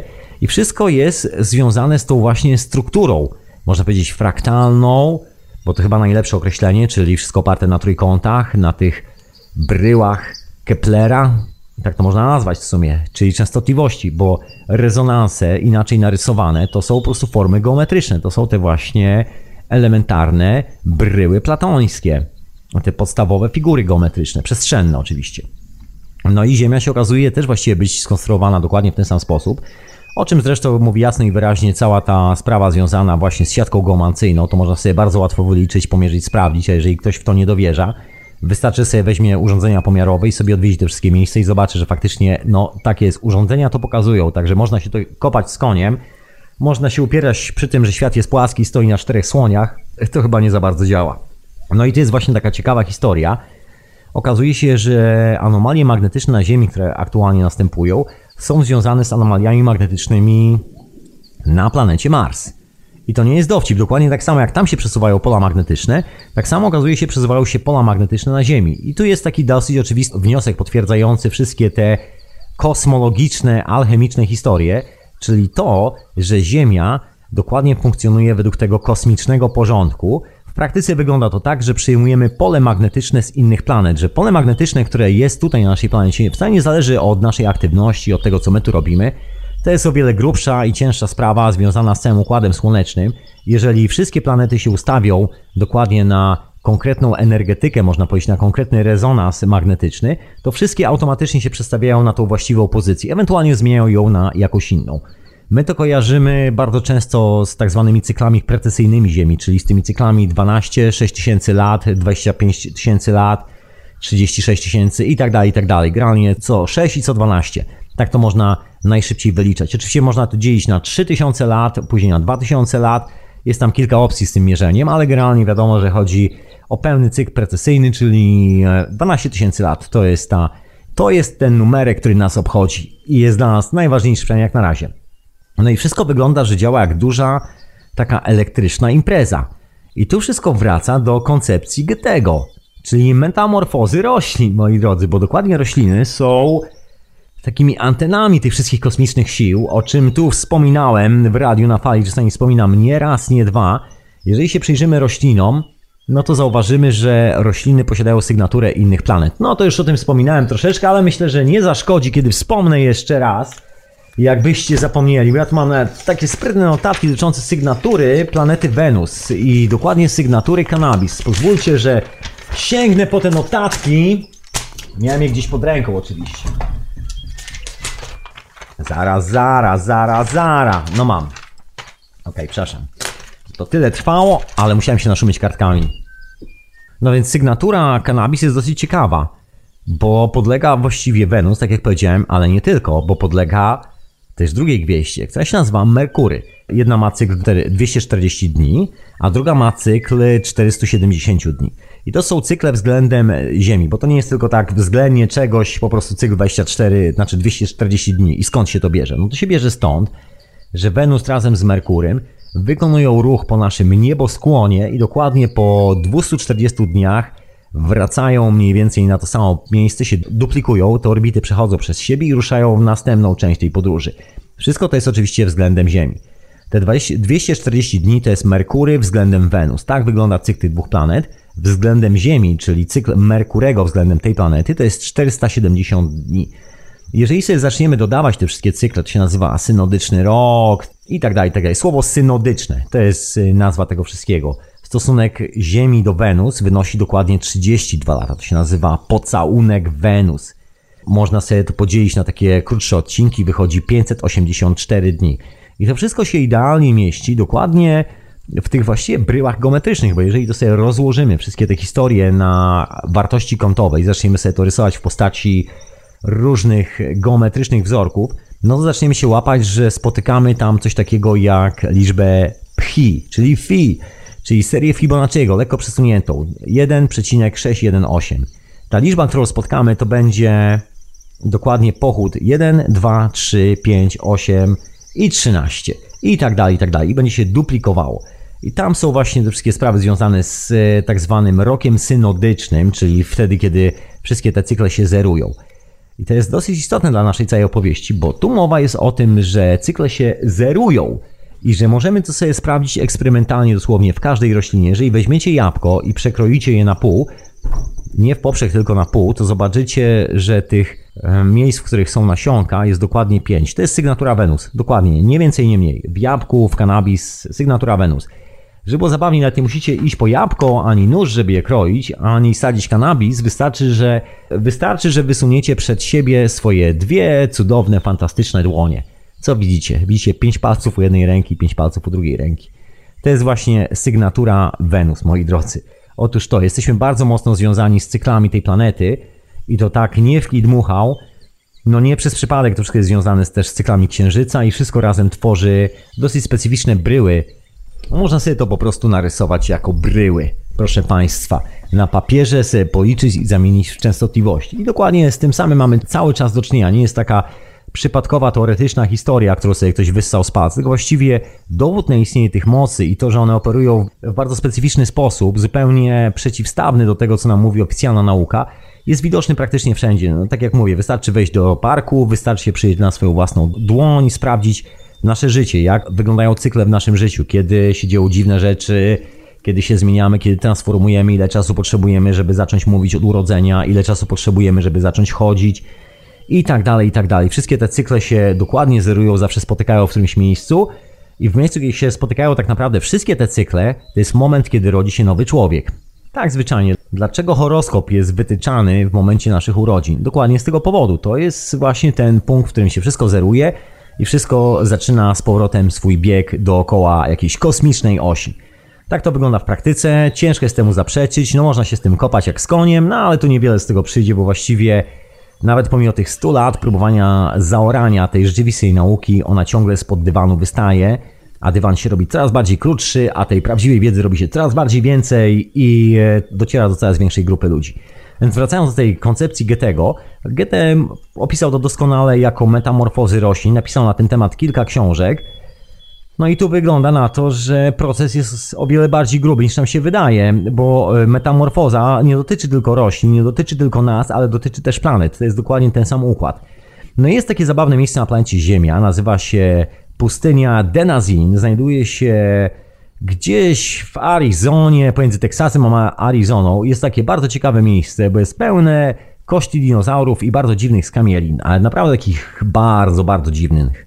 To są te skamieliny, które są używane jako argumentacja przez zwolenników wiary w jakiegoś Boga, który przyszedł i stworzył Ziemię w ciągu 7 dni, ponieważ wszystkie rzeczy, które są znajdowane na tej pustyni, no nie jest to jedyne takie miejsce na świecie, ale tam głównie, przeczą kompletnie takiej koncepcji ewolucji, którą nam się wtłacza do głowy, że wszystko powstawało w tak po kolei, się rozwijało, pierw z komórki ryba, później z ryby się coś wyłoniło na ląd, przepełzło, wpełzło na drzewo, zamieniło się w małpę, a później spadło z tego drzewa, zamieniło się w człowieka. To wygląda coś zupełnie innego. No nie będę wam dzisiaj opowiadał, co z tego, wy, co z tego wynika, bo to nie na ten temat, no ale generalnie wszystkie wykopaliska, które są tam robione, przeczą w ogóle wszelkim oficjalnym teoriom i wprowadzają wszędzie takie duże znaki zapytania i właściwie nikt nie jest w stanie tego wyjaśnić. No kreacjoniści, jak to kreacjoniści, oni zwykle szukają wszystkiego na potwierdzenie swojej tezy i nawet jeżeli, jeżeli ten człowiek po prostu idąc po chodniku się potknie najzwyczajniej w świecie, to będzie dla niego to dowód na istnienie Boga. Ktoś inny powiedział, po prostu byłem nieuważny i się potknąłem, ale dla niego będzie to coś boskiego. Także oni wykorzystują tych argumentów do udowodnienia swoich tez, ale tu jest troszeczkę coś innego. Tu jest o wiele grubsza sprawa, która się za tym wszystkim chowa, ponieważ te skameniny mają bardzo dziwną cechę. Wygląda trochę tak, jakby wszystko nagle zamarzło. Po prostu dosłownie w ciągu ułamka sekundy zamarzło. Jakby potężny zimny wiatr schłodził wszystko. I to w taki sposób, że wszystkie procesy organiczne, które funkcjonowały normalnie w tym lesie, który został zamrożony w tych roślinach, w tych zwierzakach, dinozaurach, wszystko to stało się w ułamku sekundy, że nawet krew nie zdążyła się skrystalizować. Jest tu kilka różnych koncepcji na ten temat. Taka, no chyba taka najbardziej popularna z racji tego, że jest bardzo blisko mainstreamu, to jest koncepcja związana też między innymi właśnie z, z owym ruchem wody w oceanach że jest taki moment, że podczas przebiegunowania się tej planety, czyli planety Ziemia, nagle ten prąd w oceanach staje. I to wystarczy, żeby obniżyć temperaturę na całej planecie w ciągu ułamka sekundy. Przynajmniej tak mówi koncepcja, ale po sprawdzeniu tego głębiej okazuje się, że praktycznie termodynamika tej planety nie jest w stanie zrealizować takiego scenariusza. Czyli o ile jest to możliwe w warunkach laboratoryjnych, że obniżamy bardzo raptownie ciśnienie, w zamkniętym pomieszczeniu i nagle wszystko w tym pomieszczeniu zamarza natychmiast, jest możliwe, to w naturze jest to niemożliwe. Chodzi o kwestię radiacji słonecznej, chodzi o kwestię zachowania się jonosfery i atmosfery. Jest to zbyt duży obiekt, żeby go schłodzić, zachowując jakby te same parametry wszędzie dookoła całego tego obiektu w ciągu ułamka sekundy. Się okazuje, że pewne reakcje, które są wyzwalane na, na Ziemi podczas takiego potencjalnego procesu spowodowałyby chyba rozsadzenie tej planety i chyba żadna skamielina by nie ocalała, przede wszystkim co najważniejsze, nie ocalałby nikt, który mógłby później zbadać te skamieliny i w ogóle zastanowić się skąd się to wzięło. No i tu się pojawia taki bardzo ciekawy koncept związany z tym, jak wygląda historia naszej planety, bo ta historia jest związana z naszą przyszłością, moi drodzy. Jeżeli funkcjonujemy w cyklach i wszystko jest tymi nieustającymi cyklami, tą nieustającą podróżą, która zawsze się zeruje i z powrotem zaczyna od zera, i tak dalej, i tak dalej. Ciągle w drodze, moi drodzy, ciągle w drodze. To znaczy, że wszystko już się wcześniej wydarzyło i mamy ślad tych cykli wcześniej. Pierwszym śladem jest datowanie tych wykopalisk, czyli możemy określić te katastrofy, które nas spotkały, które ledwo co uszliśmy z cało z życiem, ledwo co przetrwaliśmy na tej planecie. No było ich ponoć sześć, przynajmniej tak mówi oficjalna nauka, owych mass extinctions, czyli wszystko wymarło masowo z planety Ziemia i ponoć zaludniała się praktycznie od zera. No ale te masowe wymarcia są, e, że tak powiem, związane z pewnymi punktami na mapie, e, którą nazywamy kalendarz, na mapie w czasie i przestrzeni. No i dotyczą właśnie tych 12 tysięcy lat do tyłu i dotyczą cyklu precesyjnego, który sięga tam 25 tysięcy lat. No i te wykopaliska na owej pustyni, Denazin, tak to się nazywa, są właśnie z tego okresu. I tu jest ciekawa sprawa, że w ogóle nie wygląda to tak, jakby chciało wyglądać w oczach oficjalnej nauki. Czyli tak, z dala od jakichkolwiek elementów powodzi, ani śladu tego nie ma. Z dala od jakichkolwiek elementów wielkiego kataklizmu, takiego globalnego, żeby cały świat się zawalił, żeby płyty tektoniczne się jakoś gigantycznie porozsuwały, żeby po prostu był taki mega kataklizm, nie ma ani śladu. Chodzi o aktywność wulkaniczną, przecież to wszystko musiałoby zostać w powietrzu, które opada i zamarza razem z tą tkanką organiczną i dzięki temu byśmy mogli wiedzieć, że okej, okay, no coś walnęło, jakiś meteoryt i tak dalej. Są ślady meteorytu, to prawda, i to coraz ciekawsze, bo znaleziono go dokładnie w Zatoce Meksykańskiej. Wygląda na to, że coś grzmotnęło w Zatokę Meksykańską i to mocno, ale te ślady meteorytu są dwuznaczne. I tu jest taka ciekawa koncepcja, która jest związana z tak zwanym elektrycznym wszechświatem. To jest ta koncepcja, którą ja może nie tyle wyznaję, ile generalnie studiuję, tak to można powiedzieć. Do wyznawania jeszcze mi trochę zostało. Ołtarzyku sobie nie wybudowałem żadnego, no chyba, że to urządzenie pomysłu Nikoli Testy, a ciężko nazwać to ołtarzykiem. To jest po prostu urządzenie, które mi podświetla mój ulubiony stół ale o tym to może kiedy indziej. Także jest jedyny koncept, który potrafi to wszystko ogarnąć. No i tu jest jeszcze słynne wykopalisko owego kraba ze stanu Washington. Określeniem, które się pojawiło właśnie na tą okoliczność, mianowicie elektryczna fosylizacja, electric fossilizing, czyli elektryczna skamielina, tak to można nazwać. No i co się okazuje? Okazuje się, że po bliższym przyglądnięciu się właśnie skamielinom z owej pustyni Denazin, owym krabom znajdowanym w stanie Waszyngton i kilku innym wykopaliskom archeologicznym praktycznie z każdej możliwej długości i szerokości geograficznej na planecie Ziemia są znajdowane takie dziwne anomalie. Mianowicie ta warstwa dookoła tego obiektu, który uległ skamieninie, ma bardzo dziwną strukturę. Wygląda jak taki dziwny polimer – można to przetłumaczyć w taki bardzo prosty sposób. Ok, albo coś walnęło, jakiś duży meteor, który nagle się tu czasowo pojawia raz na 24 tysiące lat i czyści wszystko do zera i cywilizacja startuje na nowo, albo raz na co 12 tysięcy lat, ale nic o tym meteorycie nie wiemy z zapisków pozostałych cywilizacji. Ani Indianie w swoich przepowiedniach o tym nie mówią, ani nic z tych rzeczy. Wiemy tylko o wojnach, które toczyliśmy ze sobą w pewnym momencie historii tej planety i są dziwne wykopaliska związane z zielonym, ciemnym szkłem, które powstaje tylko podczas reakcji termojądrowej. Ale i tu jest myk, bo się okazuje, że to szkło i ta struktura dookoła kraba nie powstają tylko i wyłącznie podczas reakcji termonuklearnej, termojądrowej. Okazuje się, że właśnie owe dziwne potężne napięcia elektrostatyczne, które występują przy takich dużych wyładowaniach, to nawet nie są wyładowania, tylko to jest coś, co im towarzyszy, powodują pojawianie się tych zjawisk. I to, co zaobserwowano na przykład na potężnych takich sekwojach, które tam zostały w tych skamielinach, wręcz po prostu zamrożone w czasie i przestrzeni, bo dookoła są pokłady węgla. I praktycznie jak ktoś się tnął w tych warstwach ziemi, no to spoza tego węgla nagle się wyłania stojące w pionie drzewo. Tak jakby sobie stało, nagle przyszła jakaś fala, która zamroziła to wszystko. Później pojawił się węgiel dookoła, wszystko zapadło się gdzieś głęboko pod ziemię. I jakoś tak się to wszystko wydarzyło, ale okazuje się, że materiał organiczny, który stworzył węgiel dookoła drzewa, jest na przykład młodszy od tego drzewa odrobinę, tylko odrobinę, i no to się zamieniło w węgiel. Natomiast drzewo, które było kompletnie organiczne, w węgiel się nie zamieniło. I jest masa takich anomalii, że widzimy dwa obiekty, które są datowane, są w tej samej warstwie archeologicznej, czyli generalnie wszystko wydarzyło się dokładnie mniej więcej w tym samym okresie czasu, ale niektórych obiektów ni w ząb szlak nie chciał trafić, a to jest wręcz niemożliwe, bo mówimy o czymś, co zalega w ziemi i tam jest flora bakteryjna taka, która zżera wszystko. Jeżeli byśmy opuścili nasze współczesne miasta, to w ciągu 20 lat beton zostałby zjedzony przez bakterie i nie byłoby śladu po tych wielkich aluminiowych, brzydkich budynkach.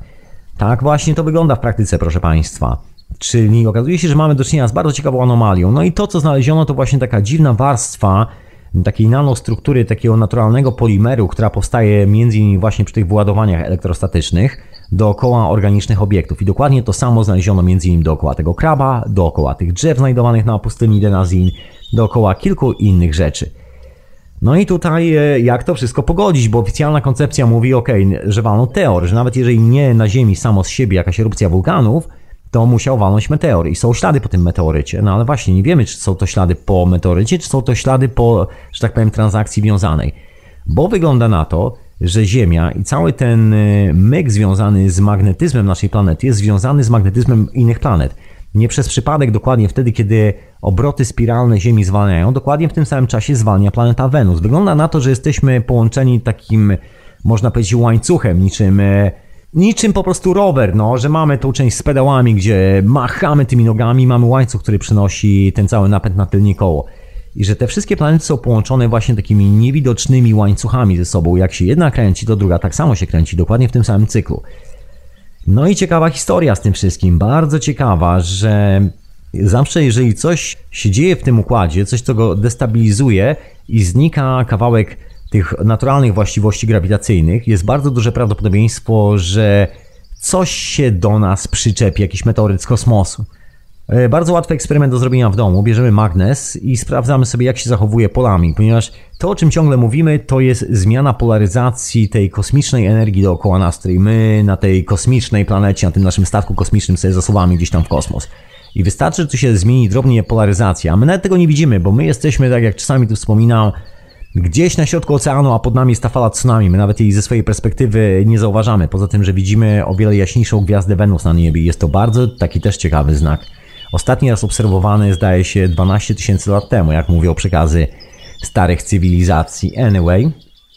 I ten cały ruch spinalny planety, kiedy te pola grawitacyjne znikają, powoduje, że zachowuje się jak duży magnes i w tym momencie jest w stanie przyciągnąć jakąkolwiek kometę, która może sobie śmiało trzasnąć w nas. Natomiast normalnie ten pas właśnie Valalena, ten pas radiacyjny dookoła Ziemi, ma te dziwne właściwości, które powodują, że praktycznie wszystkie komety, wszystkie takie dziwne rzeczy są odpychane od Ziemi i nie ma prawa nic w Ziemię walnąć. To są takie zagrożenia, które są cytowane przez NASA, że jest ryzyko walnięcia komety w planecie Ziemia. Nie ma takiego ryzyka.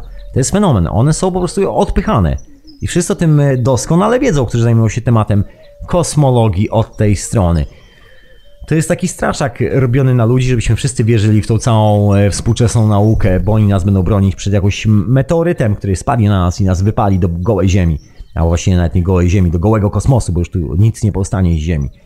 No i wygląda na to, jakby coś zdestabilizowało zjawisko antygrawitacyjne. Co za tym przemawia? Bo to nie jest tylko czcza teoria, to jest teoria poparta po prostu badaniami w terenie, wykopaliskami. Okazuje się, że pewne zjawiska nastąpiły szybciej, czyli ta cała, jak to się nazywa, electric fossilizing, czyli ta elektryczne zamienianie się w skamielinę nastąpiło wcześniej niż przywalił meteoryt.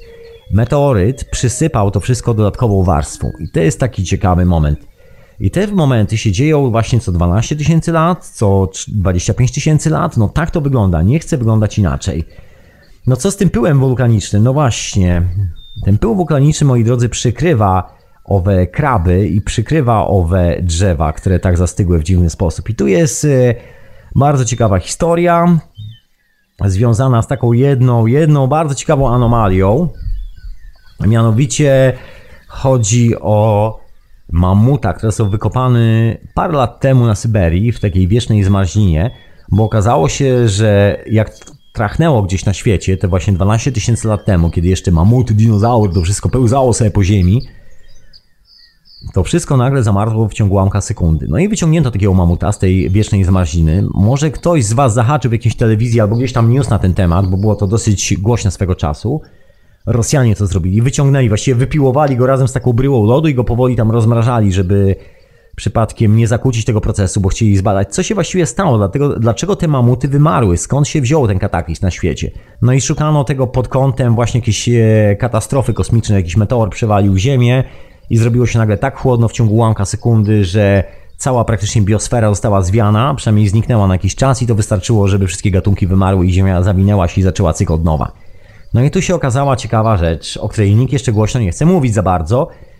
Zaczęto badać tego mamuta. Mamut okazał się bardzo świeży. Okazało się, że dosłownie zamarz w momencie yy, posiłku. Brzmi dziwnie, ale to prawda, moi drodzy. Ten mamut zamarz dokładnie w tym momencie, kiedy po prostu sobie szamał trawę.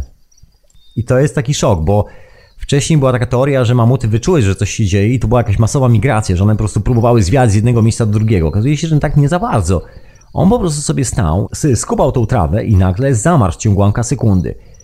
I sprawdzono w ogóle o co chodzi. Rozcinając tego mamuta po odmrożeniu, się okazało, że trawa w środku jest, e, uległa zamrożeniu szybciej niż krew. Bo to się bada w taki dosyć sprytny sposób, bo wiadomo, że kiedy coś raptownie zamarza, to generalnie krew nie powinna się skrystalizować. Ta krystalizacja, ta krystalizacja ma swój ustalony czas i proces, którym przebiega. I jeżeli zamrażanie trwa dłużej, no to te kryształy lodu są coraz większe. Zresztą pamiętacie, jak wyglądają zimą nasze okna, kiedy mróz na zewnątrz i te wzorki się rysują na szybach? To jest dokładnie proces krystalizacji.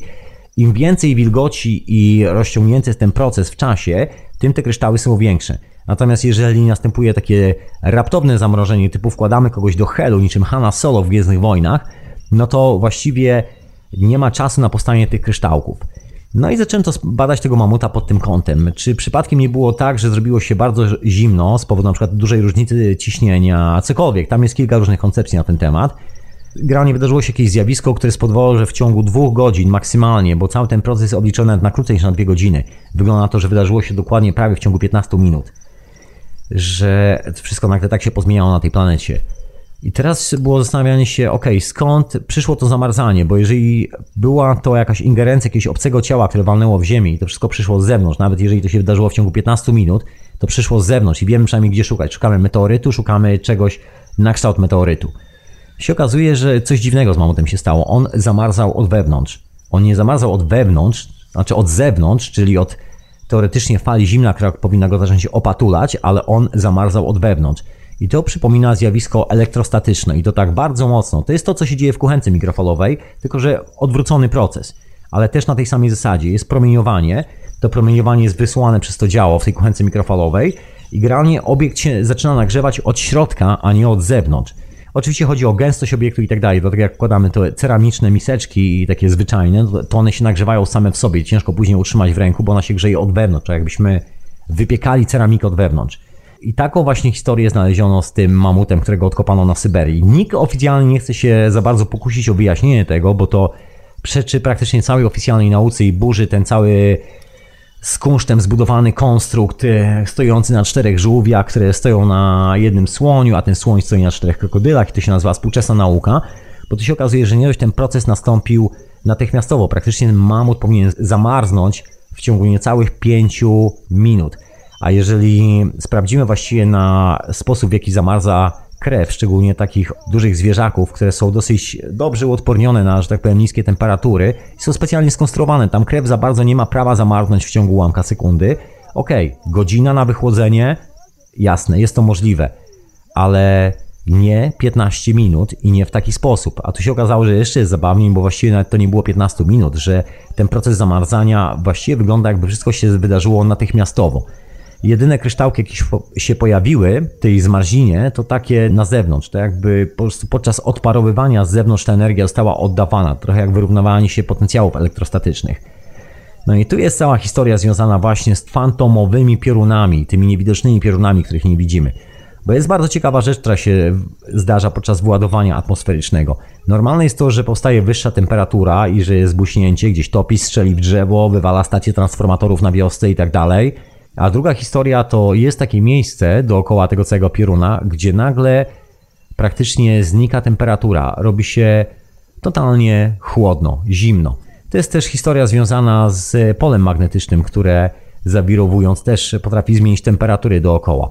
To są te eksperymenty Wilhelma Reicha robione z orgonitami, gdzie badano jakby poziom e, organu w powietrzu za pośrednictwem temperatury, bo wiadomo, że organ jako taki jest dosyć ciężki do zbadania, ale wiadomo, że jego interakcja z tym otoczeniem na zewnątrz jest bardzo mocna. To jest wszystko mocno posklejane właśnie, właśnie w ten sam sposób wszystko, taki bardzo kosmiczny sposób i że my możemy to zaobserwować jako obniżenie albo podwyższenie temperatury. No i wygląda na to, że Coś dziwnego się stało i wszystkie ślady nas prowadzą do tych bardzo elektrycznych historii, moi drodzy. Nie chemicznych, nie biologicznych, nie kwestii teorii ewolucji i na przykład e, ewolucji komórki z czegoś w coś, nie teorii o czarnych dziurach i kosmosie, który nas zdzielił jakąś katastrofalną w skutkach skałą, która przeorała planetę Ziemia. Właśnie, bo to jest jeszcze jedna ciekawa historia związana z kanionem Colorado. Okazuje się, że po sprawdzeniu zdjęć lotniczych kanionu Colorado, który do tej pory służył za taki sztandarowy przykład wielkiego kataklizmu na Ziemi, że obsunęły się lody, a gdzieś tam e, na Arktyce czy Arktaktyce zrobiło się wielkie jezioro, takie potężne jezioro, bo się zmieniła temperatura i gdzieś po środku tego wielkiego, wiecznego lodu, jak my to nazywamy, powstał taki duży ocean. I pewnego dnia ten lód się przetopił na krawędzi i ten ocean cały wyciekł prosto, takim potężnym strumieniem, robiąc taką potężną lawinę, takie gigantyczne tsunami, które przeorało całą Amerykę Północną. I ślad tego przeorania to jest właśnie Wielki Kanion Colorado. I do tej pory tak to było traktowane. Powody dosyć proste i prozaiczne, bo tak, wykopaliska, które są tam znajdowane, widać jakby wszystko zostało wymyte troszeczkę do tego kanionu, jakby zostało zmyte. Wszystkie wykopaliska, które się tam znajduje, znajduje się na samym dnie kanionu. Czym właśnie znalazła się bardzo ciekawa hipoteza, która jak się okazuje jest chyba jedyną, która się trzyma kupy w tym wszystkim. Bo zrobiono zdjęcia lotnicze i zaczęto analizować ślady, które zostawił ten potencjalny wielki potop w kanionie Colorado. Okazuje się, że właściwie woda nie zostawia takich śladów, że takie ślady zostawia co? Co, moi drodzy, zostawia wielkie wyładowanie elektrostatyczne. Dokładnie te same zdjęcia zaobserwowano przy eksperymentach z plazmą w Stanach Zjednoczonych i to właśnie w Instytucie Los Alamos. Dokładnie tego samego typu kształt. Zresztą nie tylko tam, bo dokładnie 100 lat wcześniej te wszystkie rzeczy na swoich zdjęciach pokazywał podczas prezentacji i prelekcji Nikola Tesla.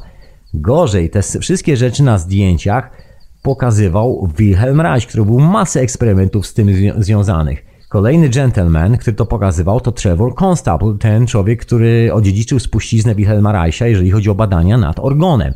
I oni cały czas to pokazywali. Tu paralo jest troszkę więcej niż symboliczne. Się okazuje, że mówimy o tym samym. I doszła jeszcze jedna ciekawa rzecz, która zanegowała teorię wielkiego oceanu gdzieś na Arktyce, który wywołał wielką katastrofę że tak powiem, ta fala gigantycznej tej słonej wody czy słodkiej wody, która zalała ocean, spowodowała tą katastrofę. Że to było jeszcze powiązane z tym meteorytem, że on walnął, przytopił ścianki, no i wtedy wszystko wyciekło i zalało cały kontynent. I jednocześnie zalało całą planetę. Tu się okazuje, że chyba nie za bardzo, bo szczątki, które są znajdowane na samym dnie, to jedno, ale właściwie nikt przez ileś tam set lat się nie pokusił sprawdzenia, co z tymi wyższymi partiami w Owym Kanionie Colorado i nie tylko, bo też dotyczy to tak samo tej pustyni Denazin. No i zaczęto badać. Podniesiono się troszeczkę z tego dna owego wąwozu, no i panowie przeszli do badania wyższych warstw, takich, w których praktycznie według tej koncepcji nie powinno być nic, bo ona powinna zostać kompletnie wymyta do zera. Bo jeżeli już ta fala się przelewała, to właśnie cały ten osad skalny, wszystko cokolwiek było ciężkie opadało na dno i opadało na dno kanionu. Natomiast na górze nie powinno zostać ani śladu. I się okazuje, że jest taka bardzo dziwna warstwa na samej górze, przykryta przez ten kurz, który tam naleciał e, przez tysiące lat, ale jednak dalej została. I ta warstwa jest, jak to się mówi po angielsku, more potential than other, czyli ma więcej potencjału niż pozostałe warstwy. I okazuje się, że te najstarsze kości, najstarsze wykopaliska i najlepiej zachowane, najstarsze skamieniny znajduje się w tej właśnie warstwie, która w ogóle nie jest na dnie tego kanionu. Ta warstwa jest praktycznie przy samej górze tego kanionu. I teraz jest pytanie, skąd to się wzięło? No właśnie, i to wszystko prowadzi nas w kierunku prądu elektrycznego, ale nie takiego prądu elektrycznego, który my znamy jako wyładowania atmosferyczne, chociażby błyskawice, ale właśnie w kierunku tego fantomowego prądu, tej dziwnej energii, która się dokładnie obok pojawia, jest dla nas niewidoczna, ale jak ustawimy sobie kamerę niczym Wilhelm Reich, włożymy tam kliszę, która jest specjalnie przygotowana na robienie zdjęcia w podczerwieni, założymy specjalny filtr na aparat fotograficzny, chodzi o specjalne obiektywy, a później jeszcze wywołamy to zdjęcie w specjalnej technice, żeby właśnie było w 100% robione w podczerwieni, to zauważymy ten drugi piorun. I nagle być może znajdziemy odpowiedź na te dziwne zjawiska, które wcześniej były niewytłumaczalne, bo wydawało nam się, jak to możliwe, żeby normalny piorun robił te wszystkie rzeczy dookoła siebie. Skoro robimy sam normalny piorun bez władowania fantomowego, to się nie dzieje, a w naturze się to dzieje. To są te dziwne anomalie z natury, że zawsze jest więcej niż mniej. A to więcej i mniej może być tym właśnie fantomowym strzałem, moi drodzy. Ale to może chwila przerwy ja tu puszczę jakąś muzyczkę, która jest troszkę mniej fantomowa, a wysłuchajcie oczywiście radia na fani, hiperprzestrzeni, ja na imię Tomek. Oczywiście audycja jest retransmitowana w Radiu Paranormalium, pozdrawiam słuchaczy Radia Paranormalium bardzo serdecznie, no i oczywiście matczynego radia na fali, jak najbardziej. No i oczywiście przypominam, że audycja jest do ściągnięcia z, z przepasnego archiwum radia na fali, moi drodzy, jest kompletnie za darmo dostępna dla Was czeka, aż znajdziecie na nią czas. Także słuchajcie, jak macie czas, spadajcie i ściągajcie. A ja tymczasem jakąś muzyczkę sobie popiję herbaty, odsapnę troszkę od tego gadania, bo temat jest gruby, jest tyle wątków. Ciężko mi się jest nie pogubić w pobocznych dygresjach w tym wszystkim, bo tu co wątek to milion dygresji, wszystko do siebie pasuje. I te bryły Keplera, i ten prąd, i te dinozaury, i to wszystko, i posłuchaj muzyki.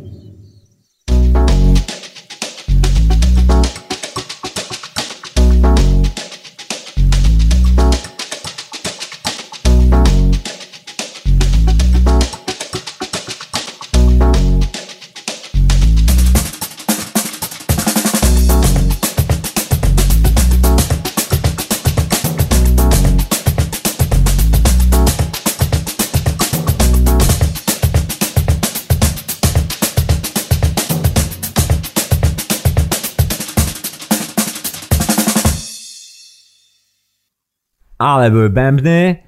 A wysyłacie oczywiście hiperprzestrzeni w radio na fali jak najbardziej.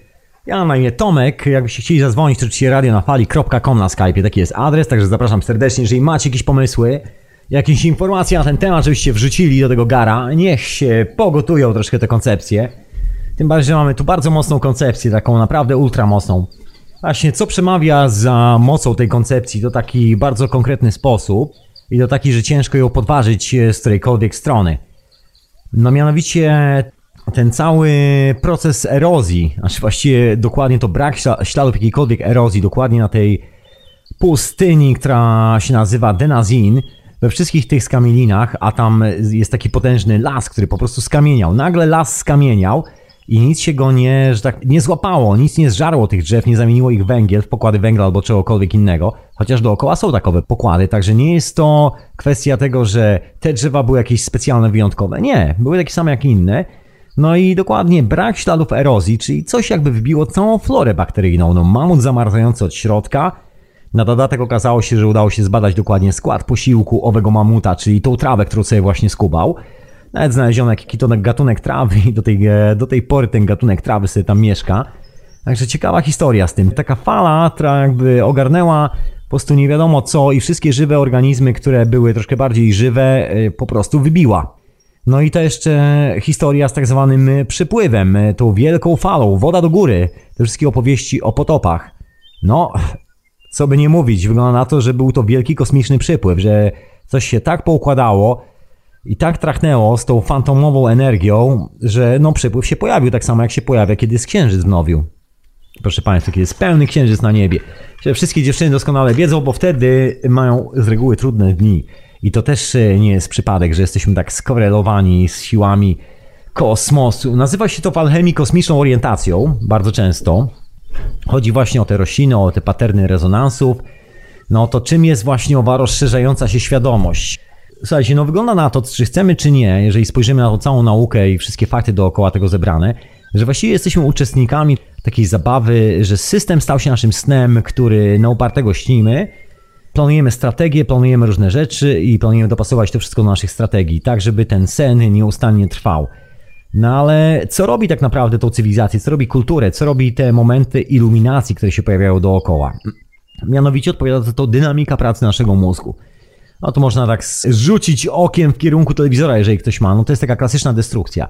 Dużo ludzi mówi o programowaniu, deprogramowaniu w dzisiejszych czasach naszych umysłów i tak dalej, ale to nie trzeba jakoś specjalnie daleko szukać. Program się nazywa w telewizji, nie przez przypadek się nazywa program, bo programujemy się, czyli kupujemy jakąś rzeczywistość dla nas, możesz to oglądać albo robić swój własny program. Takie są opcje. Nie ma opcji robienia gdzieś tam po drodze. No chyba, że ktoś pracuje w telewizji, ale to wtedy też tak naprawdę nie robi własnego programu, tylko robi program po prostu na zapotrzebowanie kogoś, bo ktoś stwierdził, że ma taki program, ma taki plan, strategię, żeby coś pokazać i wszyscy musimy w to uwierzyć. A dynamika na pracę naszego mózgu polega zupełnie z innego miejsca, nie polega właśnie z tego programowania zewnętrznego, jest po prostu naturalna sama w sobie. Tak samo jak nie jesteśmy w stanie zaprogramować wielkiej katastrofy dla tej planety, biorąc na wzgląd wszystkie te oficjalne teorie, bo żadna z nich się, że tak powiem, nie trzyma kupy razem a ta jedyna teoria, która trzyma te wszystkie razem w kupie, gdzie wszystko się nagle zaczyna układać w elementy tej samej układanki, wszystko idealnie do siebie pasuje, jest bardzo nielubiana, ponieważ właśnie wyskakuje poza te schematy, poza te ramy. No i tu się okazuje, że te paralel z naszym mózgiem jest dosyć mocne, moi drodzy, bardzo mocne, jeżeli nawet nie chyba najistotniejsze w tej całej historii. O czym tu czasami wspominam, to może zaczniemy od tego, czym jest w ogóle świadomość, bo w poprzednich odcinkach wspomniałem, czym jest nasze ego. No więc ego, tu tak szybko przypomnę, ego to nasze wspomnienia oraz nasze oczekiwania dotyczące tego, co się potencjalnie może wydarzyć w przyszłości. Nic więcej, czyli takie martwe konstrakty. To jest martwa kraina, tam mieszkają już tylko zwłoki albo z przeszłości, albo coś, co się jeszcze nigdy nie wydarzyło i nie wiadomo, czy się kiedykolwiek wydarzy. Tak sobie wymyśliliśmy i żyjemy uczepieni, że tak powiem, tych zwłok. To nazywa się ego, ale czym jest nasza świadomość? Na to pytanie też jest odpowiedź, też nie jest żadną tajemnicą. No nasza świadomość jest naszą wspólną wiedzą. Niektórzy nazywają to systemem czakr, dosyć mocno zmanipulowane w dzisiejszych czasach. Z reguły, jeżeli ktoś mówi o systemie czakrach, to nie ma bladego pojęcia o czymś takim jak kosmiczna orientacja, nie ma pojęcia o sygnaturze planet, nie ma pojęcia praktycznie o niczym.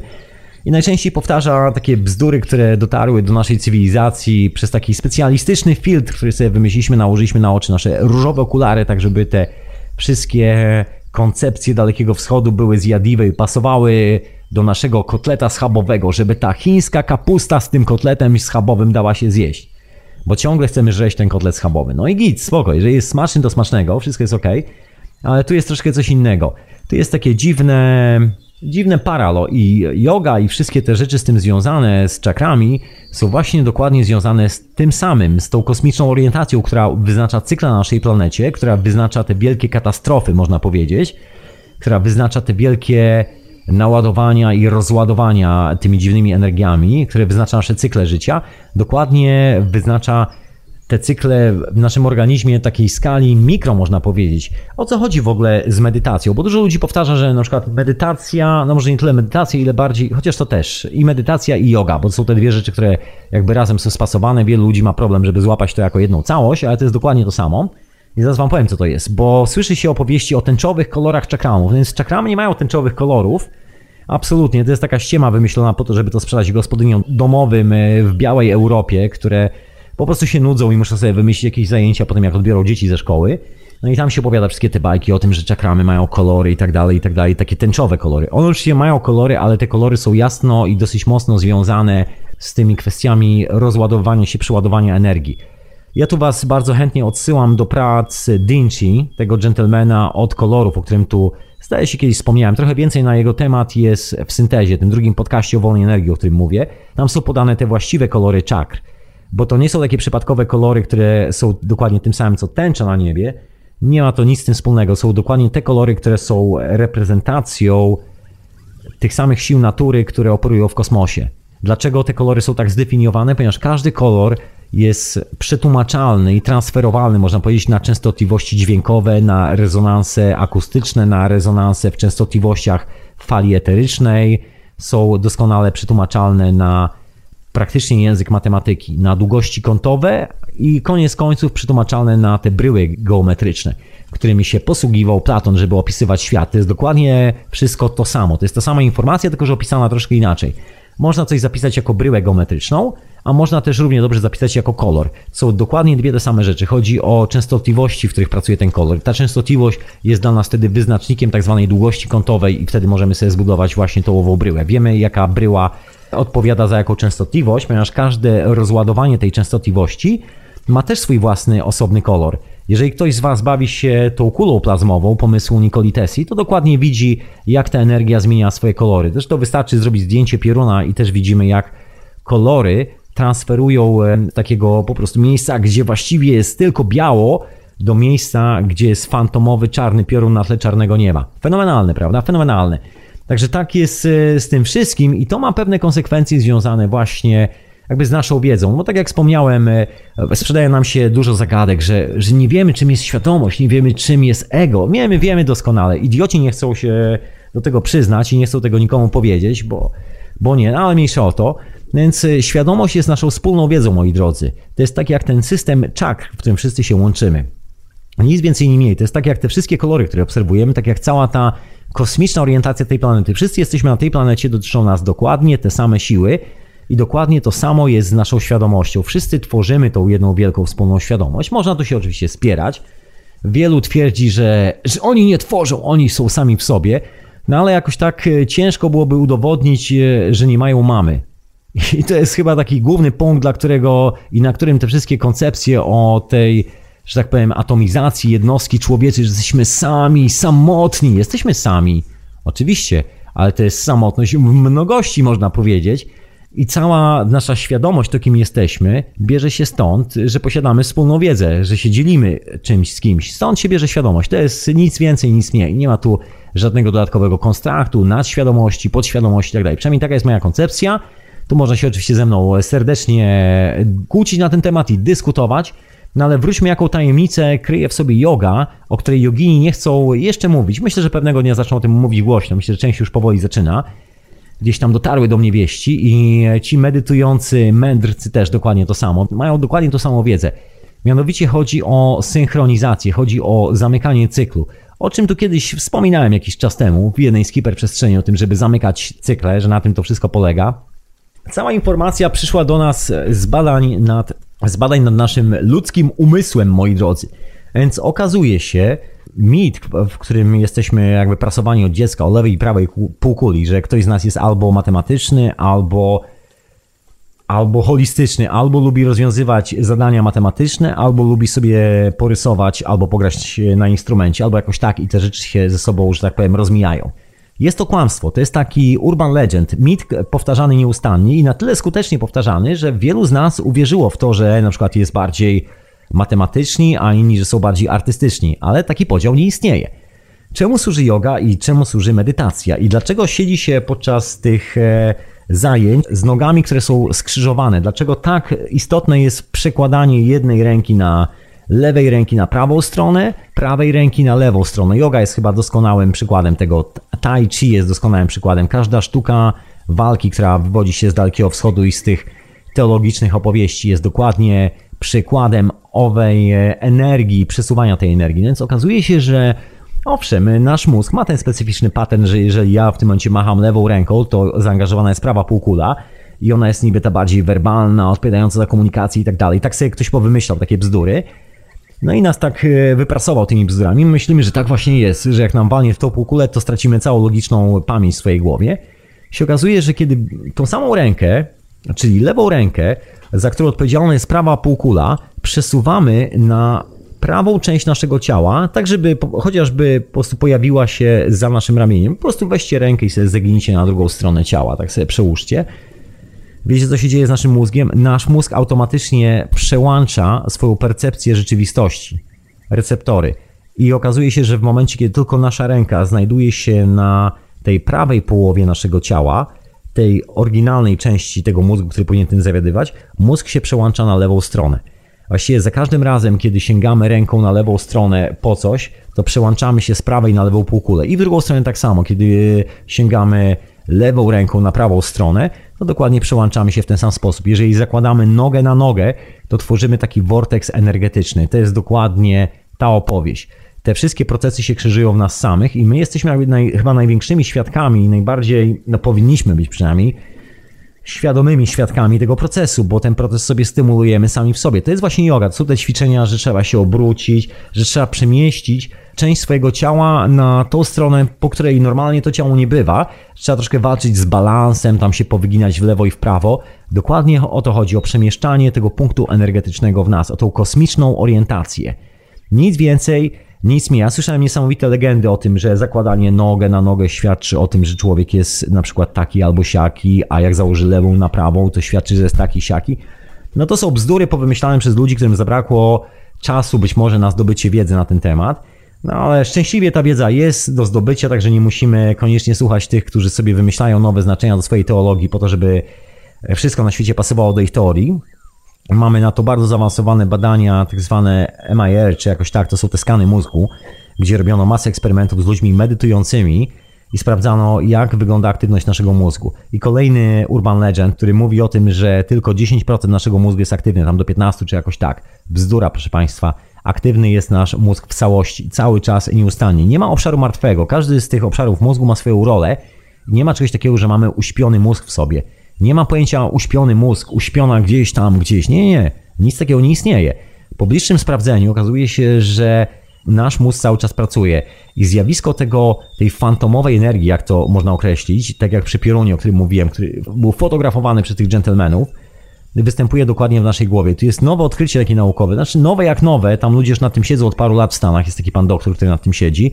Mianowicie chodzi o coś takiego, co nazwał nanotubes, czyli takie nanotuby w środku naszego mózgu, pomiędzy tymi połączeniami neuronowymi. W środku są takie małe rurki, w ogóle małe tuby i ładunek elektrostatyczny się przemieszcza po tych tubach. I to jest takie oficjalne wytłumaczenie, bo to jest tyle, ile możemy znaleźć na naszych urządzeniach, ale po wszystkich e, sytuacjach, które się wydarzają dookoła, widzimy, że dzieje się coś więcej. Coś więcej, coś więcej to jest właśnie owa fantomowa energia która równolegle, dokładnie po tych samych szynach zasuwa. To jest trochę jak taki niewidoczny pociąg, który jedzie po niewidocznych szynach razem z naszym pociągiem, dokładnie wzdłuż. I my nie widzimy tego pociągu nigdy, ale widzimy, że wiatr z tej jednej strony, z tej, z której jest ten fantomowy pociąg, jest zawsze chłodniejszy.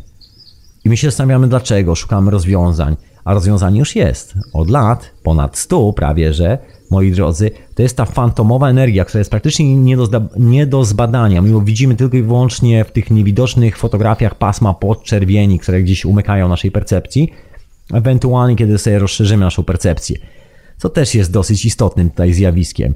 No i to jest dokładnie coś takiego jak Słuchajcie, ta trzecia moc w pasie Van Allena. Dokładnie to, bo machając tymi rękami, nogami, tak jak podczas jogi czy podczas medytacji, synchronizując lewą i prawą półkulę, tak żeby nie było tego dualizmu w nas, żeby ta energia cały czas właściwie była w stanie ruchu, bo jak tylko osiądzie, no to zaczyna się robić tak jak z jeziorem, do którego nie ma dopływu świeżej wody. Wszystko zaczyna tam gnić i umierać, zamienia się w śmierdzącą sadzawkę. I dokładnie tak samo jest z naszą głową. Tak długo jak wierzymy w to, że mamy półkulę, która odpowiada za abstrakcję i tak długo jak wierzymy w to, że mamy półkulę, która odpowiada za te funkcje motoryczne i logiczne, tak długo jesteśmy uwaleni w tym schemacie i właściwie funkcjonujemy w czymś, co właściwie nie istnieje. To jest tak, jakbyśmy wskoczyli do bajki i na siłę starali się żyć niczym królewna Śnieżka albo siedmiu krasnoludków, czy jakoś tak. Z czym nikt z nas nie jest ani królewną Śnieżką, ani krasnoludkiem, także skąd pomysł na to, że ktoś z nas będzie przez całe życie odtwarzał te przygłupawe role? No ale okazało się tak, że odtwarzamy troszkę te role i tu się okazuje, że po prostu to machanie rękami nogami synchronizuje te wszystkie elementy i że łatwiej znajdujemy ten rzeczywisty pattern energetyczny, bo w tym momencie no jesteśmy lepiej zsynchronizowani nie tylko ze sobą, bo to nie chodzi o synchronizację taką egocentryczną, że jesteśmy zsynchronizowani ze sobą, bo co to oznacza? My nie jesteśmy tutaj sami, jesteśmy tutaj razem z tą kosmiczną energią, także jeżeli się synchronizujemy, to nie do siebie się synchronizujemy, tylko synchronizujemy się z informacją, która nas otacza. To jest ta informacja kosmiczna, ta, kosmiczna orientacja, te wszystkie siły, które panują dookoła nas. No i to jest ta ciekawostka związana z tą trzecią mocą, która się pojawiła w pasie Van Allena. Tadam, tajemnicza moc, która wynika z synchronizacji. Ona się pojawiła dopiero wtedy, kiedy zmienił się kąt nachylenia owych pasów Van Allena, kiedy częstotliwości i prędkości jakby energii, która tam zasuwa, się zmieniła. To trochę tak jakby Ziemia zaczęła ćwiczyć jogę, można tak to nazwać. Jednym z takich ciekawych koncepcji na temat, jak to się wszystko aktualnie odbywa, jak tłumaczyć pewne dziwne zjawiska, które nas otaczają, to jest takie tłumaczenie, że właśnie ten fantomowy piorun to doładowanie energetyczne odpowiada za te okrągłe wyrwy w Ziemi, które powstają wszędzie na świecie. No jest to moc związana właśnie z, tym, z tą fantomową częścią energii. Ona jest może nie tyle destrukcyjna, ile ona odpowiada za dematerializację. To jest taki, taki dziwny moment, w którym wszystko cokolwiek jest po prostu znika. Po prostu znika i nie zostawia po sobie śladu żadnej widocznej energii poza jednym miejscem, drugą częścią pioruna, bo okazuje się, że korelacje pomiędzy tymi piorunami, to to sprawdzano właśnie na zdjęciach za czasów Wilhelma Reicha i nie tylko, Trevor Constable był takim specem od sprawdzania tych wszystkich rzeczy. On wypluł z siebie taką gigantyczną kolekcję tych zdjęć właśnie piorunów fantomowych, które tam towarzyszyły przy tych eksperymentach z orgonem. No i zauważył paralo, że to jest dokładnie ta sama energia, która się uzupełnia nawzajem. Jakby jest pobierana z jednego miejsca i się manifestuje w drugim. To trochę jakbyśmy wzięli coś na biurku, wzięli kubek i przestawili e, z lewego kąta na prawy kąt biurka. Trochę tak to wygląda. I kubek, kiedy jest po lewej stronie, jest kompletnie niewidoczny. Kiedy jest po prawej stronie, też jest kompletnie niewidoczny. My nawet nie wiemy, że on tam jest. My go widzimy tylko w momencie, kiedy ktoś, jakaś magiczna siła przesuwa ten kubek, on jest widoczny gdzieś tak w połowie stołu, wtedy widzimy te dwie moce czasami się manifestują. Widzimy skąd przybył i dokąd zmierza. I to wszystko. I na tym się kończy. No i tu jest taka bardzo ciekawa koncepcja, o której kiedyś wspominałem, związana właśnie z rokiem 2012 która mówi o tej fali fotonowej, że to jest ta trzecia moc, która gdzieś w kosmosie zanikła. My trafiliśmy w takie miejsce, gdzie tych ładunków fotonowych, czy jakoś tak, jak to naukowcy określili, po prostu tej chmury energii jest o wiele mniej i część tych zjawisk zniknęła. I teraz nagle, kiedy się pojawia ta potężna moc, która jest ładowana z kosmosu, z tej potężnej chmury wodoru, która zasuwa gdzieś tam i tych wszystkich dziwnych anomalii na planetach, okazuje się, że nie wiem jak to nazwać, ale chyba najcelniej będzie powiedzieć, że nagle aktywowały się właściwie moce, moce odpowiadające za zdrowie na planecie Ziemia, czyli moce w tym pasie Van Allena. Pojawiła się ta trzecia dziwna częstotliwość. Ba, i pojawiła się z takim hukiem, moi drodzy, że częstotliwości rezonansów Schumana zniknęły z urządzeń. Są na to dwie koncepcje. Pierwsza koncepcja mówi o tym, że dokładnie dostajemy taki konkretny impuls, który jest duplikowany, jest właśnie tym impulsem fantomowym i on uderzając te rezonanse oryginalne powoduje, że one nam znikają z radarów. To jest tak zwana fala stojąca, że pojawiła się fala stojąca, tylko że miejsce, gdzie ta fala stoi, jest daleko poza naszym wzrokiem, daleko poza horyzontem naszych zdarzeń, tak można powiedzieć. My po prostu nawet nie wiemy, że, że tam ta fala stoi, bo my jej nigdy nie widzieliśmy. Nasza rzeczywistość to jest odbicie wszystkich tych fal, a nie ta oryginalna fala mocy, energii w twojej istocie. Tylko odbicie tego wszystkiego. My widzimy odbicie w lustrze tych wszystkich zjawisk.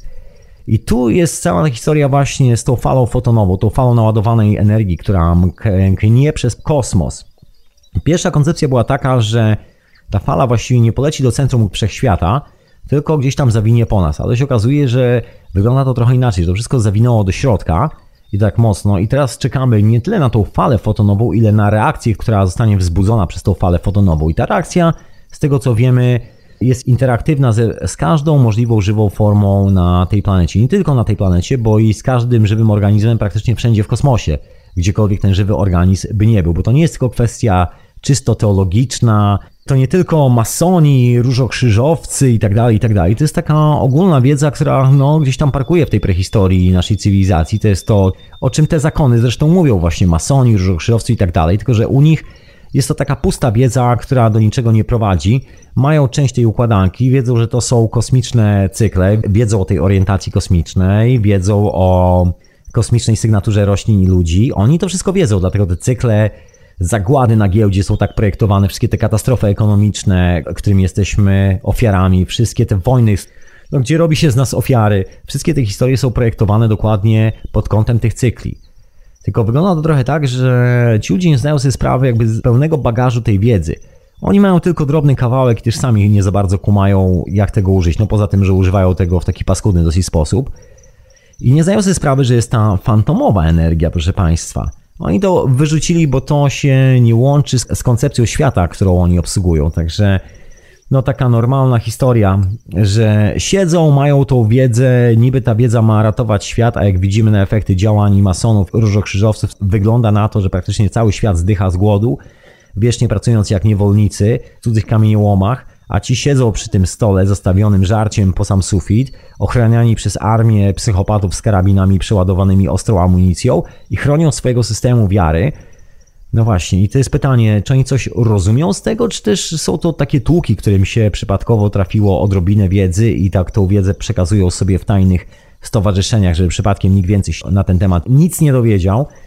No właśnie, no bo świadomość jest wspólna, moi drodzy, i widać jak na dłoni, że ci ludzie, wszystkie te organizacje, wszystkie teologie, które mówią nam o jakimś Bogu, do którego mamy oddawać cześć, o kościołach, że jak się pomodlimy, to nie będzie zaćmienia słońca i tak dalej, to jest wszystko odwracanie kota ogonem, czyli chronienie swojego własnego systemu po to, żeby świadomość nie stała się wspólna, po to, żeby zatrzymać część tej informacji, żeby nigdy nie było tak, że ktoś będzie miał tak samo jak oni mają.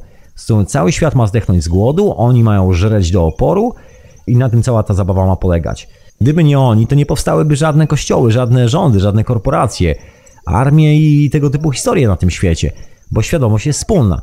Czyli tak naprawdę szczęśliwie dla nas te matołki nie za bardzo nawet rozumieją, co mają w swoich archiwach, także nie musimy się bać masonerii, nie musimy się bać różokrzyżowców, wszystkich tych ludzi. Część z nich kuma o co chodzi, część widzi, że coś tu jest mocno nie tak, no ale co tu dużo mówić, no nie łapią najważniejszej rzeczy, nie łapią tego, że świadomość jest wspólna i nie złapali tego, że jeżeli szczęśliwie udało mi się trochę wiedzy odziedziczyć po przodkach, których intencją było rozdawanie tej wiedzy za darmo, to kiedy łamią to przymierze z naturą, kiedy nie rozdają tej wiedzy i budują, e, używając tej wiedzy, kolejny kościół, kolejną kapliczkę i kolejny ołtarzek dla własnych iluzji, no to w tym momencie zaprzeczają jakby istocie tej całej informacji. To jest po prostu zaprzeczenie samo w sobie. No, bywa, proszę Państwa, bywa, tak to wygląda w życiu. No właśnie, ale jak się rozwinąć wewnętrznie, moi drodzy? Bo to też jest taka ciekawa historia, że część tej wiedzy teraz jakby powoli wraca do łask, ale też wraca trochę koślawo. Jest to sprzedawane jako rozwijanie swojego wewnętrznego ja, czyli jak się rozwinąć wewnętrznie i jednocześnie zarobić na tym pieniądze i tak dalej. Wszystkie tego typu kursy. No przecież wewnętrzne, no, no nie wiadomo, że nie ma kasy, no nie ma materii. Tam wewnętrzny świat, ten fantomowy, funkcjonuje bez materii. Jest to czysta energia intencji, jest to czysta energia dzielenia się świadomością, dzielenia się swoją wiedzą, nic więcej. Nie ma z tego jeszcze nic, nie wyrośnie z tego żadne drzewo, nie upieczony zostanie żaden chleb, nikt nie uklei żadnego garnka.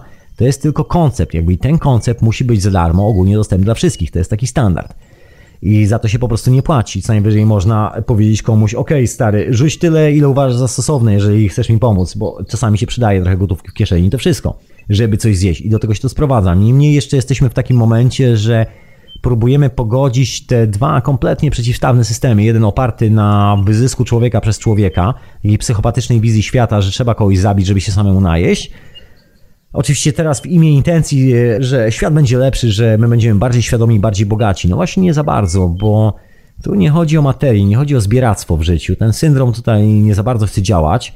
No nie ma tu materii, no po prostu.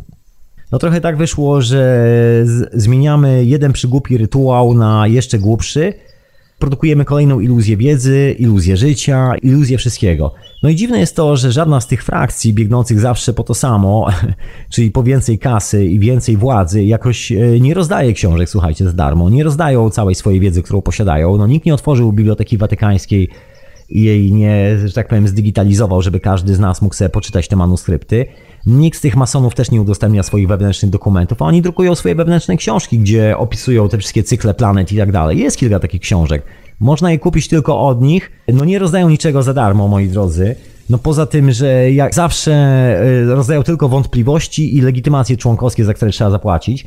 Na rzeczywistość jest tutaj, e, moi drodzy, chyba największym e, dowodem na ich chciwość, na ich obsesję kontroli wiedzy i władzy na strach przed konkurencją, bo do tego się to sprowadza, że przypadkowo te całe cykle kosmiczne dotkną nas wszystkich w taki sposób, że wszyscy zaczniemy mieć tą wiedzę i przestaniemy się modlić do fetyszy. To jest dosyć istotna sprawa, myślę. Zaczniemy kumać, że stoi za tym wiedza i że korzystając z tej wiedzy możemy sobie stuningować rewelacyjnie życie i nikt nie musi nikomu skakać do gardła. I naprawdę nie ma potrzeby na robienie jakiejkolwiek wojny. Tu jest ta niespodzianka, która idzie z kosmosu. Legendy mówią o tym, że światy się będą rozjeżdżały, że świat materii się będzie rozjeżdżał, ponieważ ta cała luka, ta trzecia moc, która się pojawia po środku, która odpowiada za u nas w głowie, można powiedzieć, fakt kojarzenia tego, że to, co zrobiliśmy wczoraj, jest dokładnie tym, co spotka nas jutro, a właściwie nawet gorzej, bo jest dokładnie tym, co spotyka nas dzisiaj. Dla niektórych gorzej, dla niektórych doskonale, dla mnie doskonale. Czyli właściwie cały nasz koncept klejenia z materią, do którego cały czas biegliśmy, tutaj zaczyna się mocno wywracać na plecy i wygląda na to, że no to nasze dualistyczne wyobrażenie świata nie ma nic wspólnego z rzeczywistością, która nas otacza. To jest taka bajka, którą sobie wymyśliliśmy, że w niej zamieszkamy i sobie po prostu mieszkamy w tej bajce, a światy zaczynają się rozjeżdżać, a pomiędzy nimi pojawia się coś nowego, coś zupełnie innego, coś, czego się nikt nie spodziewał. I bynajmniej nie jest to, moi drodzy, rozwijanie swojego wnętrza, zarabianie na tym pieniędzy, bynajmniej nie jest to prowokowanie wojen i rozwijanie, że tak powiem, kryzysów światowych po to, żeby na nich zarobić, Bynajmniej nie jest to żadna ani z tych dróg na lewo, ani z tych dróg na prawo. Jest to zupełnie inna kosmiczna droga. I to jest właśnie ten moment, kiedy ta materia zaczyna płatać psikusy, a właściwie to nasz ten cały koncept, który uwierzyliśmy, to nasze właśnie owe, jak wspomniałem, dualistyczne wyobrażenie o tym, co widzimy. A tu jest chmura gazu, słuchajcie, która zawija do centrum naszej galaktyki. Chmura intencji. o właśnie. To jest dokładnie to samo, moi drodzy, bo wygląda na to, że te wszystkie zjawiska są fantomowe, dzieją się w kosmosie dokładnie w czasie rzeczywistym. Jeżeli to zasuwa do centrum galaktyki, to wygląda na to, że ta chmura intencji i wiedzy powoli zaczęła zasuwać do centrum naszej własnej galaktyki, czyli do naszej głowy. I generalnie nasza cała percepcja będzie ulegała mocnemu przestawieniu. Pojawią się pytania, słuchajcie, to mocne pytania myślę, że już się w wielu głowach pojawiają.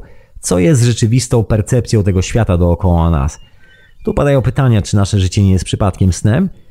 No, moja odpowiedź na to brzmi: w dzisiejszej formie jest absolutnie snem wariata.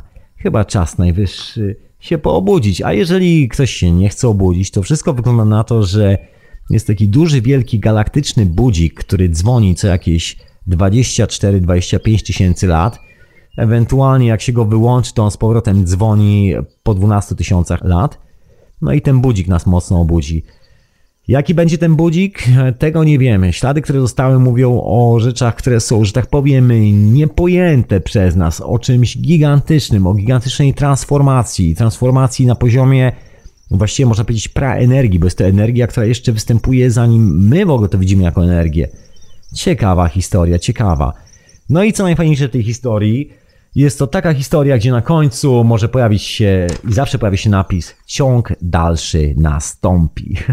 I z tym ciągiem dalszym, moi drodzy, Was zostawiam. Ja na pewno będę sobie wracał do tego tematu, bo no właśnie zapomniałem o tych wszystkich starych przepowiedniach i tak dalej dzisiaj wspomnieć, bo też nie było czasu, ale pewnego dnia i wrócę do tego. Tym bardziej, że jesteśmy właśnie dokładnie w tym momencie, w tym roku, chmura owego kosmicznego gazu stuknie się z centrum kosmosu i dokładnie kilka rzeczy w naszej głowie też się stuknie ze sobą. Kilka planet na ekliptykach też się stuknie ze sobą swoimi polami energetycznymi i już widać, że to nadchodzi. Proszę spojrzeć na niebo. Ostatni raz Wenus była tak jasno widoczna ponoć jakieś 12 tysięcy lat temu, a to zawsze zwiastuje bardzo duże zmiany. I ta informacja nie uległa żadnym zmianom, moi drodzy. Zatem zostawiam Was tymi zmianami. Zapraszam na wieczorową porę. Przypominam, żebyście sobie wpadli, pościągali sobie trochę hiperprzestrzeni, jak Wam się chce, z archiwum Radio na Fali www.radionafali.com no i zapraszam do postałych rzeczy w archiwum Radia na Fali, do etykiety zastępczej księcia Edwarda. Polecam serdecznie chilloutowy środek tygodnia. Polecam Pichontarium, troszkę nieregularnie, ale jak to Pichontarium, na tym polega urok Pichonta. Polecam e, oczywiście teorię chaosu, gdzie pojawiają się różne dziwne, mniej lub bardziej szalone teorie spiskowe i świat w tym ujęciu spiskowym. No i polecam w ogóle do archiwum e, Radia na Fali w całości, czyli dokładki i nie tylko. A niedługo już powinno się pojawić, bo mieliśmy drobną awarię maszyn, komputerów i się okazało, że trzeba troszkę roboty zrobić od nowa. E, pojawiły się materiały z konwentu wiedzy alternatywnej, także dajcie chwilę czasu, tam już Tomek wszystko ogarnia, żeby do drugiego Tomka, czyli do mnie to podesłać, a ja to wrzucę i wszystko będzie ogólnie dostępne. A wy pamiętajcie o syntezie, którą tu jeszcze prowadzę w Radiu na Fali. Niekoniecznie, żebyście musieli słuchać, bo jest trochę czasami techniczna i nie każdego to interesuje i doskonale to rozumiem.